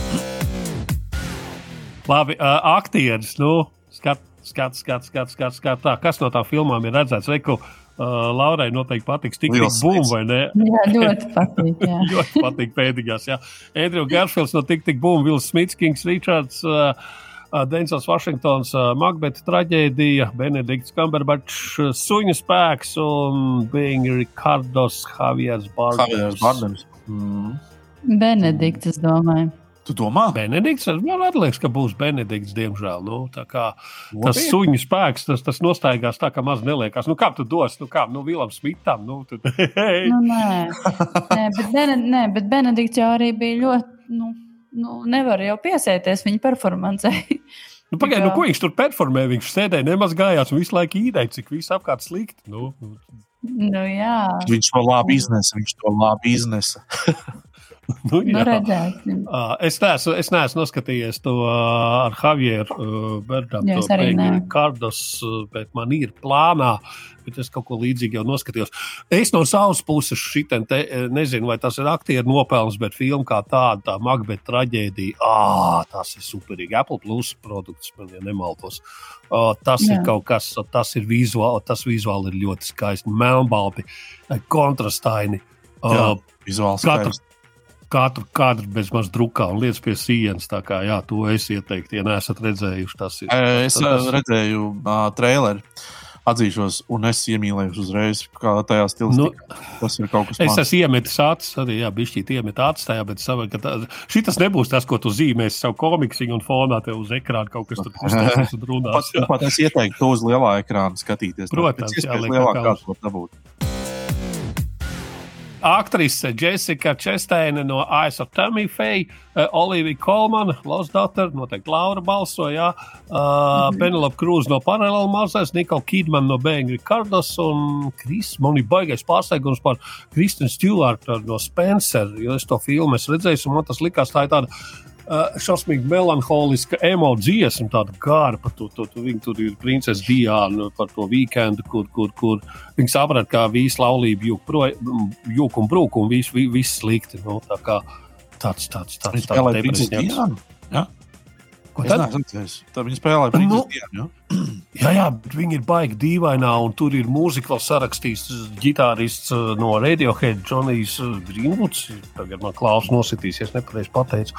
Un, un, un, un, un uh, Uh, tas to filmu nepadara vieglāk skatām. Tā mūzika arī ir tāda stipra nervoza. Tā kā, tas ir tāds, tāds, tāds Al, pārbaudījums diezgan ko tu saki, ko tu par šo nomināciju saki? Nu, es no šīm filmām esmu redzējis tikai The Lost Daughter, tāpēc es ne par ko citu arī nevaru balsot. Operatora darbs, es tā saprotu. Ja? Tā tad uh, Dune, uh, atkal Nightmare Alley, atkal dienišķais suņa spēks, traģe, uh, Magbeta traģēdija, West Side Story. Nu, es, Uh, es nezinu, cik ļoti operatori nopelnījis, bet nu, tas Makbets uh, reāli uzrunā. Nightmare Rally arī, protams, ir ļoti skaists, bet tas varbūt ir tāpēc, ka tas ir Giljārmo del Toro filma. Tā kā, nu, tāpēc, jā. Džona man īsti nav ko komentēt. Nu, tur ir kas, un tūkstoši un green screen. Nu, kas tas, kas un... Nē, nē, es, es droši vien domāju, traģēdija, Makbeta traģēdija. Um, tas ir. Uh, ja to tā paskatās un pavērtē no tāda kinematogrāfiskā tāda skatu punkta, nu, Proti, ka, ka tur tā vērtība ir gan režijā, gan operatoriem skatu, punkta, skatu punktā. Ja, tad nu, es teiktu, viņi ļoti pirmkārt atšķiras no, no, no tā, kas ir redzēta. Nu, es neesmu redzējis tur. Es esmu redzējis trailerus, un es no tiem traileriem kaut kā vairāk vai mazāk spriežu. Nu, tad man liekas, ka tas uh, Makbets ļoti atšķiras, un par to vienu es domāju, tas operators tur dabūs visas tās godalgas. Multens, tā ir tēma, ko es katru gadu nelaižu garām, un šoreiz es esmu maksimāli vīlies. Te ir viens vienīgs Disneys, te ir viens vienīgs Disneys, te ir Enchanto, te ir Luka, te ir Ryan Zelārs Dragon, tas ir Disney produkts. Vienīgais, ko es esmu redzējis, ir Mišela versus mašīna. Bet es, ah, divi palīdz galā, Mičels pret mašīnām. Es nebiju domājis vispār, kā, kā, kā tas varētu kaut kādā veidā uz Oskaru pretendēt tad par štātiem un tērpiņiem, ja, kurš kam pienākās par visiem šiem te Cruella, eh, Sirano, Dune, Nightmare Alley un atkal West Side Story. Es dodu Cruellai, es dodu Cruellai par, par, par štātiem un tērpiņiem, jo, nu, tas viss bija stāsts par modi, par Turēmu Stone, come on, nu, kā, kā, kā, kā var nedot. Viņi iznesīja jebkuru vaiprātīgu, vaiprātīgāko tērpu, ko viņai uzvilkt. Filmas idejas autors tā kā tā. Nu, cik es zinu. Šeit House of Gucci, ja? Ah, es neredzu šeit, jā. jā, vai ne? Šeit nav, šeit nav, šeit nav House of Gucci, kas ir baigi dīvaini. Vispār viņai ir baigi maz un par to visu, jā, jā, kāpēc tā un kā šī tā. Esat mm. redzējuši to House of Gucci vispār? Jā. Nu, kādas tavas domas? Mm.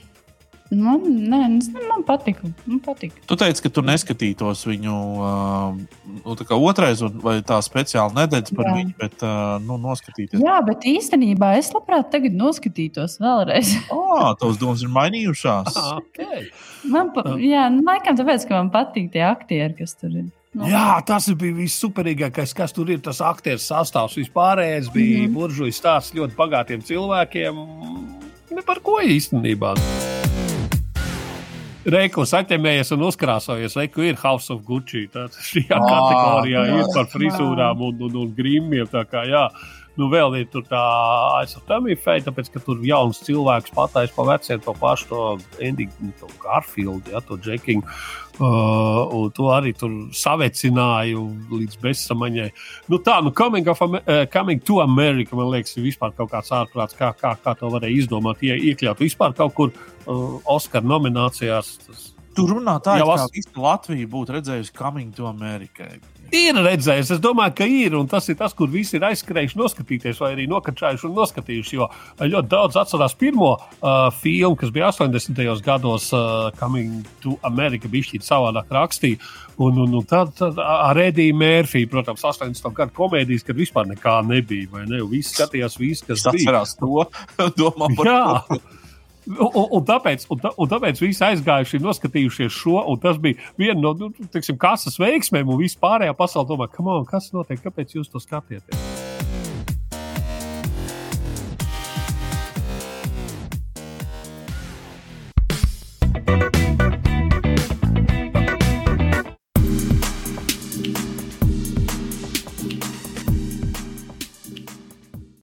Par filmu Tinder Svindler, ko redzējis, man liekas, visa Latvija nu jau. Es pat nezinu, ko man vajadzētu teikt par šo filmu. Nu, bija ļoti interesanti skatīties katrā ziņā, kā tas stāsts attīstīsies par šo, šo maģisko vīrieti, teorētiski bagāto. Bet man, nu, tīri, ja vērtēju kā filmu, tad bija ļoti aizraujoši skatīties, kas notiks tālāk, un beigas bija tādas, kādas negaidīju nevar spoilot, bet jā. Un, Nu, tā diezgan šokējoši. Ko tur spoilot? Visu Latviju jau ir noskatījusies. Nu, man tāds sajūta, ka jā, jo tas ir viss. Jebkuru cilvēku šobrīd satiekot, visi runā par šo filmu. Jā, tā ir. Nu, īstenībā tas bija iemesls, kāpēc es ieslēdzu. Es ieraudzīju listē, ka jūs esat noskatījušies. Es paskatījos traileri, un man nebija baigi plānots to skatīties. Mm -hmm. Tad nu, man fonā tā nogriezās. Ko es varu komentēt? Stulbi cilvēki ir pelnījuši visu, kas ar viņiem notiek. Īpaši mūsdienās visapkārt runā par visādiem krāpniekiem. Tu, tu vienkārši uzķeries, vai bagātais puisis, vai brīvs karalis. Viņam nav savas armijas. Nu, nekas, nekas bagātais papucīts nepalīdz. Kā man, meitene. Īpaši tā pirmā savā stulbumā, man godīgi sakot, pat šokēja. Viņa viņās bankās aizņēma aizņēmās ceturdaļu miljonu. Ah, figūri, man vienkārši nav ko teikt. Bet, zini, kas ir? Es, um, man ir divas lietas, um, ja par šo tēmu mēs runājam. Viena lieta, kas ir pozitīva lieta, un tā pozitīvā lieta ir tāda, ka uh, šīs dāmas nāk un publiski par to runā. Viņām ir bijis sāpīgi, viņām ir bijis uh, notrīts pāri. Tas ir viens no lielākajiem kauniem, kāds var būt. Uh, nu, tāds nu, cilvēciski, ja mēs tā psiholoģiski skatāmies. Nu, ja? protams, jā. Bet viņas ir kameras priekšā un viņas ir gatavas to darīt. Un, uh, par to es noņemu cepuru viņu priekšā, un, un es domāju, šādi stāsti viņi ir jāstāsta daudz, mm -hmm. dikti un cik vien var. Tas ir tā ir pozitīvā lieta. Negatīvā lieta. Ja kāds no jums noskatījās arī to map, uh, Muppet, uh, uh, Puppet Master, Puppet Master. Es teicu, nu, jā, to, jā, tu pagājušajā gadā. Jā, es vēl neesmu pagājušajā gadā. Vācakot, jā, vīns iedzers. Nu, uh, tā tad, uh, ja, ja kāds noskatījās to filmu un tad uh, noskatījās šo filmu, tad uh, secinājums ir viens, un tas ir negatīvs. Šie uh, brašuļi, kā es viņus nosaukšu, Viņi, tiek, uh, viņi izdara, izdara šo noziegumu, um, viņi dabū ļoti minimālu sodu, ļoti minimālu sodu, un viņi uh, ir atpakaļ uz brīvām kājām. Un ko viņi dara? Trīs reizes varat minēt. Viņi turpina to pašu. Nu kā, kā Morāla Laura domā, ka viņi labojās un aizgāja Rīgā? Nē, es redzēju scenāriju šīs filmas, jau sapratu. Bet tur jau tas stāsts, un tā ir, tā ir negatīvā lieta. Un man liekas, ka tā, tas, par ko vajadzētu kaut kādā ziņā, vai nu, tas ir lokālās likumdošanas, vai tā ir kāda starptautiska, vai es nezinu, tur starptautiski nav iespējams to, to nekādu izskaust. Bet tik ilgi, kamēr būs šīs sociālās vietnes uh, un, un, un, un, un, un tāda nu, dāmas. Un arī vīrieši, arī vīrieši, protams, ne jau dāmas vienīgās uzķerās, arī vīrieši. Uh, kuri būs lētacīgi un tā tālāk. Nu, tik ilgi, es domāju, šī problēma būs aktuāla. Un uh, problēma būs aktuāla tā iemesla dēļ, ka šie cilvēki, kas iznāk ārā no tām ieslodzījuma vietām, viņi jau neko citu nezina un nemāca. Viņi māca uh, krāpties un, un, un, un, un uh, šādi uzvesties. Tā kā tā, mans pārējais. Man ir viens vēl arī secinājums par to, ka liekas, tik tik nepareizi un dīvaini, ka tādā globalizācijas laikmetā, kur Tinders ir visā pasaulē pieejams, nu, varbūt tur Ziemeļkorejā nav, es nezinu, Dienvidkorejā. Uh, Viņam ir savs Tinders. Bet tas, ka, ka ka, jā, ka var izdoties, redz, tomēr kaut kā turpināt, un neviens neko nevar darīt.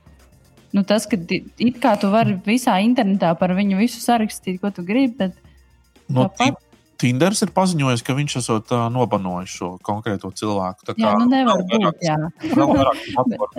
jā. viņš arī, es cik sapratu, nu, to Instagramā nav... ir taisījis. Pēc, arī Instagrams to viņu izdzēs. Viņš to taisījis, pēc tam tur visu laiku jauns konts. Un visu laiku ir tikai ždēs. Gaidām draugiem LV, ka viņš būs tāds. Oh, jā, vietējās dāmas. Apstrādāt. Jā. Uh, bet man vairāk šokē tiešām tās tā, tā dāmju uh, muļķums. Nu, kā, kā, es nevainoju, kā, es, es nevainoju upurus. Impērijas es, es varu pateikt, godīgi, e, Edžiņ, godīgi. Uh, gudri cilvēki atdod savus bankas paroles. Es tev, es tev varu to vienkārši pateikt. Tas, tas nav. Iedod man pāris telefonus, tas gudriem cilvēkiem pēc raidījuma. Nē, tas, tas ir, jebkurš, jebkurš var iekrist. Uh, tev ir ir tie saucamie psiholoģiskie trapi, kuros vienkārši tu vienkārši iekrīti. Tu esi melanholisks šajā šodien, un viss, un es tev dabūju. Uh, es palienu apakšā, un es, es dabūju, ko man vajag. Tā ir viena lieta. Vēl, starp citu, man liekas, ka, mm, man liekas, ka arī mums Latvijā bija kaut kādi stāsti pagājušajā vasarā. Vismaz kaut kādā dzeltenajā presē pavīdēja tāds viens kundziņš, kurš dara kaut kādas līdzīgas lietas, un dāmas bija sākušas runāt par viņu. Uh, Tā kā nav tālu jāskatās un jāmeklē. Cik man ir informācija, neteikšu no kādiem avotiem, taču konkrēti šis kundziņš ir dabūjis cietumsodu. Ne par droši vien to konkrēto meitiņu pavēršanu, bet viņš vēl bija visādas lietas sastrādājis. Bet, nu jā, tā kā Latvijā arī ir tāda stāsta. Nav tālu jāmeklē. Mm. okay. Labi, dāmas, eh, skatieties, ko jūs to svaipojat un, un, un, un ieslēdziet kritisko domāšanu uz briljantu kārtu. Un džeki tieši tāpat, jā, lūdzu. Džeki tieši tāpat, jā.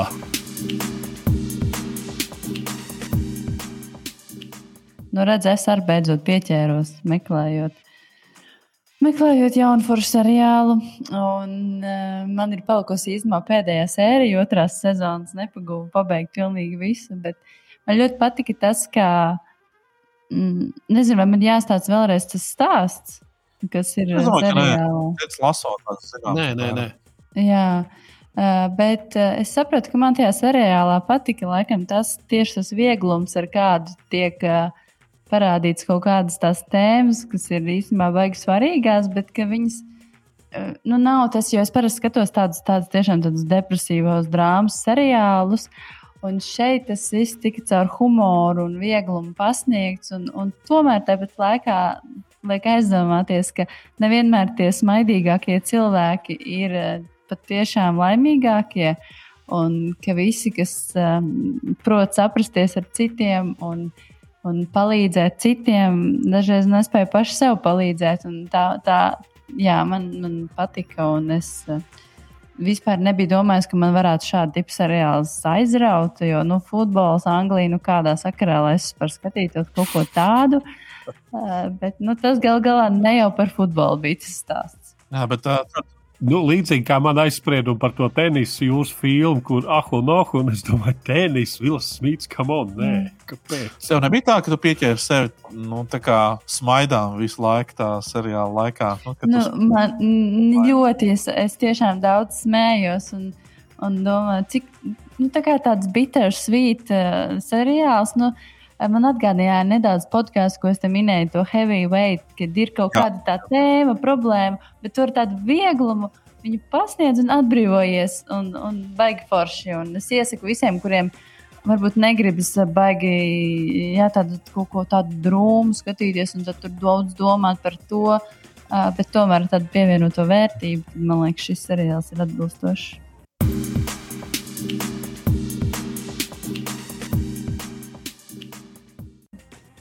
Nu, tad es no savas puses iesaku paskatīties kaut ko uz reāliem notikumiem balstītu, uz nesenu vēsturi, uz Pēmu un Tomiju. Protams, Pamela Andersona un Tomijas Līdo no, no, no, no, no, no, no, no Motley Crue bundzinieks, skandalozās laulības, skandalozais seksteips. Nu, tad par šo arī ir šis seriāls kā, kā, kā, kā viņi satikās, šie te, uh, super slavenie cilvēki, kā tas, tā kasete ar to pikanto ierakstu tika pasaulē izplatīta un kā tas viss aizgāja. Pagaidām ir trīs epizodes ārā. Ir smieklīgi, ir labi. Ir, un, nu, tas atkal, ja jūs pamatāt apakšā to džeku, kas tur skatās, kas neizskatās pēc rokas zvaigznes, tas ir Sets Rogens, tas ir tas oh. galvenais, kuram Tomijs nesamaksāja to, kas viņam pienācās, mm. viņa atlaida, un viņš nospēra seifu, kurā netīšām bija šī kasete iekšā. Ah, dieniņ, tētiņ, tā kā tur Sets Rogens ir ņēmis līdzdalību visās jomās, jūs varat iedomāties, kāds tas krīņģa līmenis ir šī tā, tā kā tas viss ir wow. Ja, ja, ja, ja vienā rītā te uh, Tomija Līja, viņa paša loceklis, viņam lasa morāli par to, kā viņš ir uzvedies, nu, tas, tas, tas ir kaut kas tāds, kas ir jāskatās.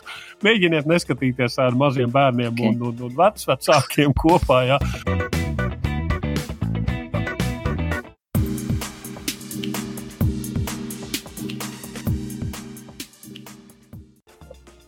Mums ir supernova, dāmas un kungi. Mums oh. ir supernova. Visi skatās supernova. Es iesaku visiem skatīties supernova kopā ar Twitter, jo tā, nu, savādāk uh, supernova nevarētu eksistēt. Nu, tā, nu, kāds, ko, kā? Nu, stāstiet, stāstiet. Kā patīk, Sāksim ar to, ka vienkārši vispirms varbūt no, noraksturiet, kādā, um, kādā atmosfērā jūs skatījāties supernovu. Laura, lūdzu. Es biju ciemos eh, kopā ar bērniem, un tāds arī bija plāns, ka mēs skatīsimies supernovu. Un es iesaku, uh, tas ir tikpat jautri, kā skatīties kopā ar Twitter, kopā ar bērniem. Jā, jo viņu komentāri ir diezgan līdzīgi kā Twitterim. ļoti labi. Es biju Berlīnē, es biju Berlīnē viesnīcas istabiņā kopā ar Artiņu Varjonas. arī ļoti labi. Eglīt. Nu, Es biju Twitterī un kopā ar kaķiem un visiem pārējiem Twitter zvēriem un, un, un, un, un, un ar visu to, kas tur notika. Man pat nav īpaši komentāri, jo, nu, ko tur komentēt, tur ir viss jāskatās. Tā supernova ir tā lieta, kur tu aizmirsti nākamajā dienā. Tī, nē, tikko aiziet beigu titra, viss tu jau esi aizmirsis. Tas ir, tas ir tā tāds šāpanīšu reibums, uz to brīdi ir jautri, histēriski, un pēc tam viss beidzās. Jā. Nu tā, nu kur sūtīsim, ko, kur sūtīsim? Mums ir eh, šīs nedēļas, eh, jā, mums jau rīt ir jāpa, jāsūta kaut kas, kur sūtam. Nu, kuru mēs tā kā varbūt katrs personīgi gribam sūtīt? Laura, jā, nu, ko tu sūtīsi? Jā, tas ir pilnīgi pofīgi īstenībā. es gribu pateikt tikai to, ka man tiešām īstenībā bija prieks skatīties to. Uh, nu, jo nebija šogad, man nebija gluži tā, ka tu skaties un domā, Ak, Dievs, cik briesmīgi, sūdīgi un tā, bet bija jautri. Nu, tiešām bija jautri, un tas arī tas, ko kādas sajūtas, manuprāt, ir vajadzīgas. Uh, protams, tur pašausminies par kaut ko un tā, bet kopumā tas bija ļoti jautri pavadīts laiks, skatīties supernovu. Tā tam, manuprāt, arī būtu jābūt. Tāpēc arī finālistam, man liekas, piesāvēt būt kādam no tiem jautrajiem. Un, uh, nu, jā. jā. Nu, tas ir nu, tā, kā nu, nevajag pārāk nopietni to visu uztvert cita zēna bujāns, un, un, un kas tas bija? Tas kā viņas saucās, Rīčs. Mēs jūs mīlam. Mēs jūs mīlam jā. Jā. Jā, jā, jā, viens no tiem trījiem varētu būt pie pārējiem. Nu, nē. nu, pat izskanēja informācija, ka Mikls Dukur ir paņēmuši finālā, tāpēc, ka izrādās viņam pagājušo nedēļu dziesmu bez specifiktiem skanējusi. Oh, oh, oh. Nu, es, es ar nepacietību gaidīšu, kādi būs tie efekti, kā uzreiz viņš izlauzīsies. Es reāli gaidīšu, tur Hollywoods, SFX, visas kompānijas jau ir pieplakušas jau pie ekrāniem un ar visiem skaņu efektiem. Visu, performance. Mikls Dukur performance ar super skaņu efektiem un vispārējo, kas tur pagājušajā gadā nu, nebija. Kas varētu būt Miku tomēr. Ko tad? Mm. Markus, nē, jo Markus, nu ko Markus, viņš 17 gadu vienu to pašu dziesmu dziedā tajā konkursā. Viņš pats aizmirst regulāri. Tā, tā, kā, tā, nu, mans, mans tāds varbūt vērtējums ir. Um, uh, nu, var sakot, eh, es būtu devis varbūt citu zēnu, bet tā kā man sieva atzinās mīlestībā šīs grupas saksofonistam, tad es. Es, okay. es to nedarīšu. Um, saprotam, saprotam. Bet es, nu, varbūt mēs jūs mīlam, jā, to rīču. Es laikam ar viņiem. Vai ne? Jo... Sūtīšu viņus. Mm -hmm. Jo es arī es kaut kad, kaut kad klausījos interviju par to, kā uztvert bujānu. Uh, respektu forši, ka viņam ir jautrs skatuves. Es priecājos, uh, bet ka iedomājies kaut kādus divus nezināmus cilvēkus viņu vietā. tad tu biji citādāk sāc mm. domāt. Vēl kas, vēl kas patiesībā ļauj tas... izdarīt šo izvēli par labu Riču Iču bija tieši Lauras saruna ar Ralfu Eilandu, kurā viņš atzinās tajā attieksmē, kādā viņš šo, šo, šo dziesmu ir rakstījis. Tā kā Laura, paldies tev par, par šo interviju. Man liekas, bija ļoti vērtīgi. Tā vispār saprast tādu mazliet fonu tam visam. Jā, ceru, ka tagad būs aktuāli paklausīties citiem arī vēlreiz Eirovīzijas kontekstā. Labi, to mēs tad ko, ko, ko uh, šīs nedēļas. Es teicu, viena no tiem, tiem, tiem vai nu citi zēni, vai nu Bujāns, vai nu Rīčīčs, bet vairāk liekas, ka Rīčīčs, jo tur reāls, uh, tur ir Rodžers un, mm. un, un, un, un tā tālāk. Uh, Tā kā nu, bujāns, nu, jā, nu, tas ir smieklīgi vietējiem. Tas ir tāds, ir tā kā nu, vietējā uzņēmumā tev direktors ar grāmatvedu atnāk, kā hei, hei pārģērbušies, pat uz kaut ko jocīgu. Visi sveikās. Nu, jā, jā, jā, tas ir tāds tiešām Latvijai. Jā, stulbi. Nu, pērmot divas stundas, nu, nē, nu, kam on, tas joks ir ievilcies. Ziniet, Krievijā tas komēdija klubi ir, un tur arī gadu desmitiem ir. Nu, nē, tu, tu, tu, Edgar, nesaproti, divas trešdaļas Latvijas es nepārspīlēšu. Uztver Bermudu divu stūri ļoti nopietni. Tu, mm -hmm. tu neticēsi to, kā ir. Es zinu, par ko viņi balso kādās demonstrācijās. Es zinu, ko viņi darīja pagājušo nu,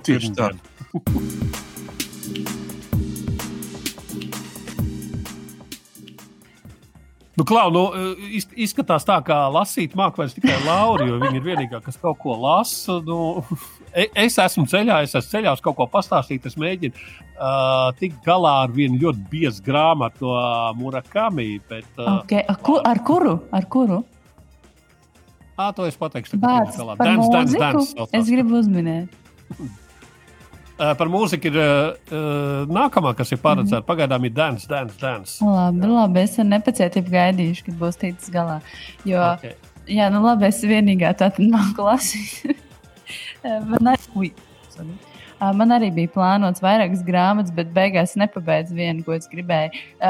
Jo, jā, man šīs nedēļas grāmata ir What Happened to You, kur viena no autoriem ir Oprah Winfrey, slavenā TV šovu vadītāja, un kopā ar psihiatru.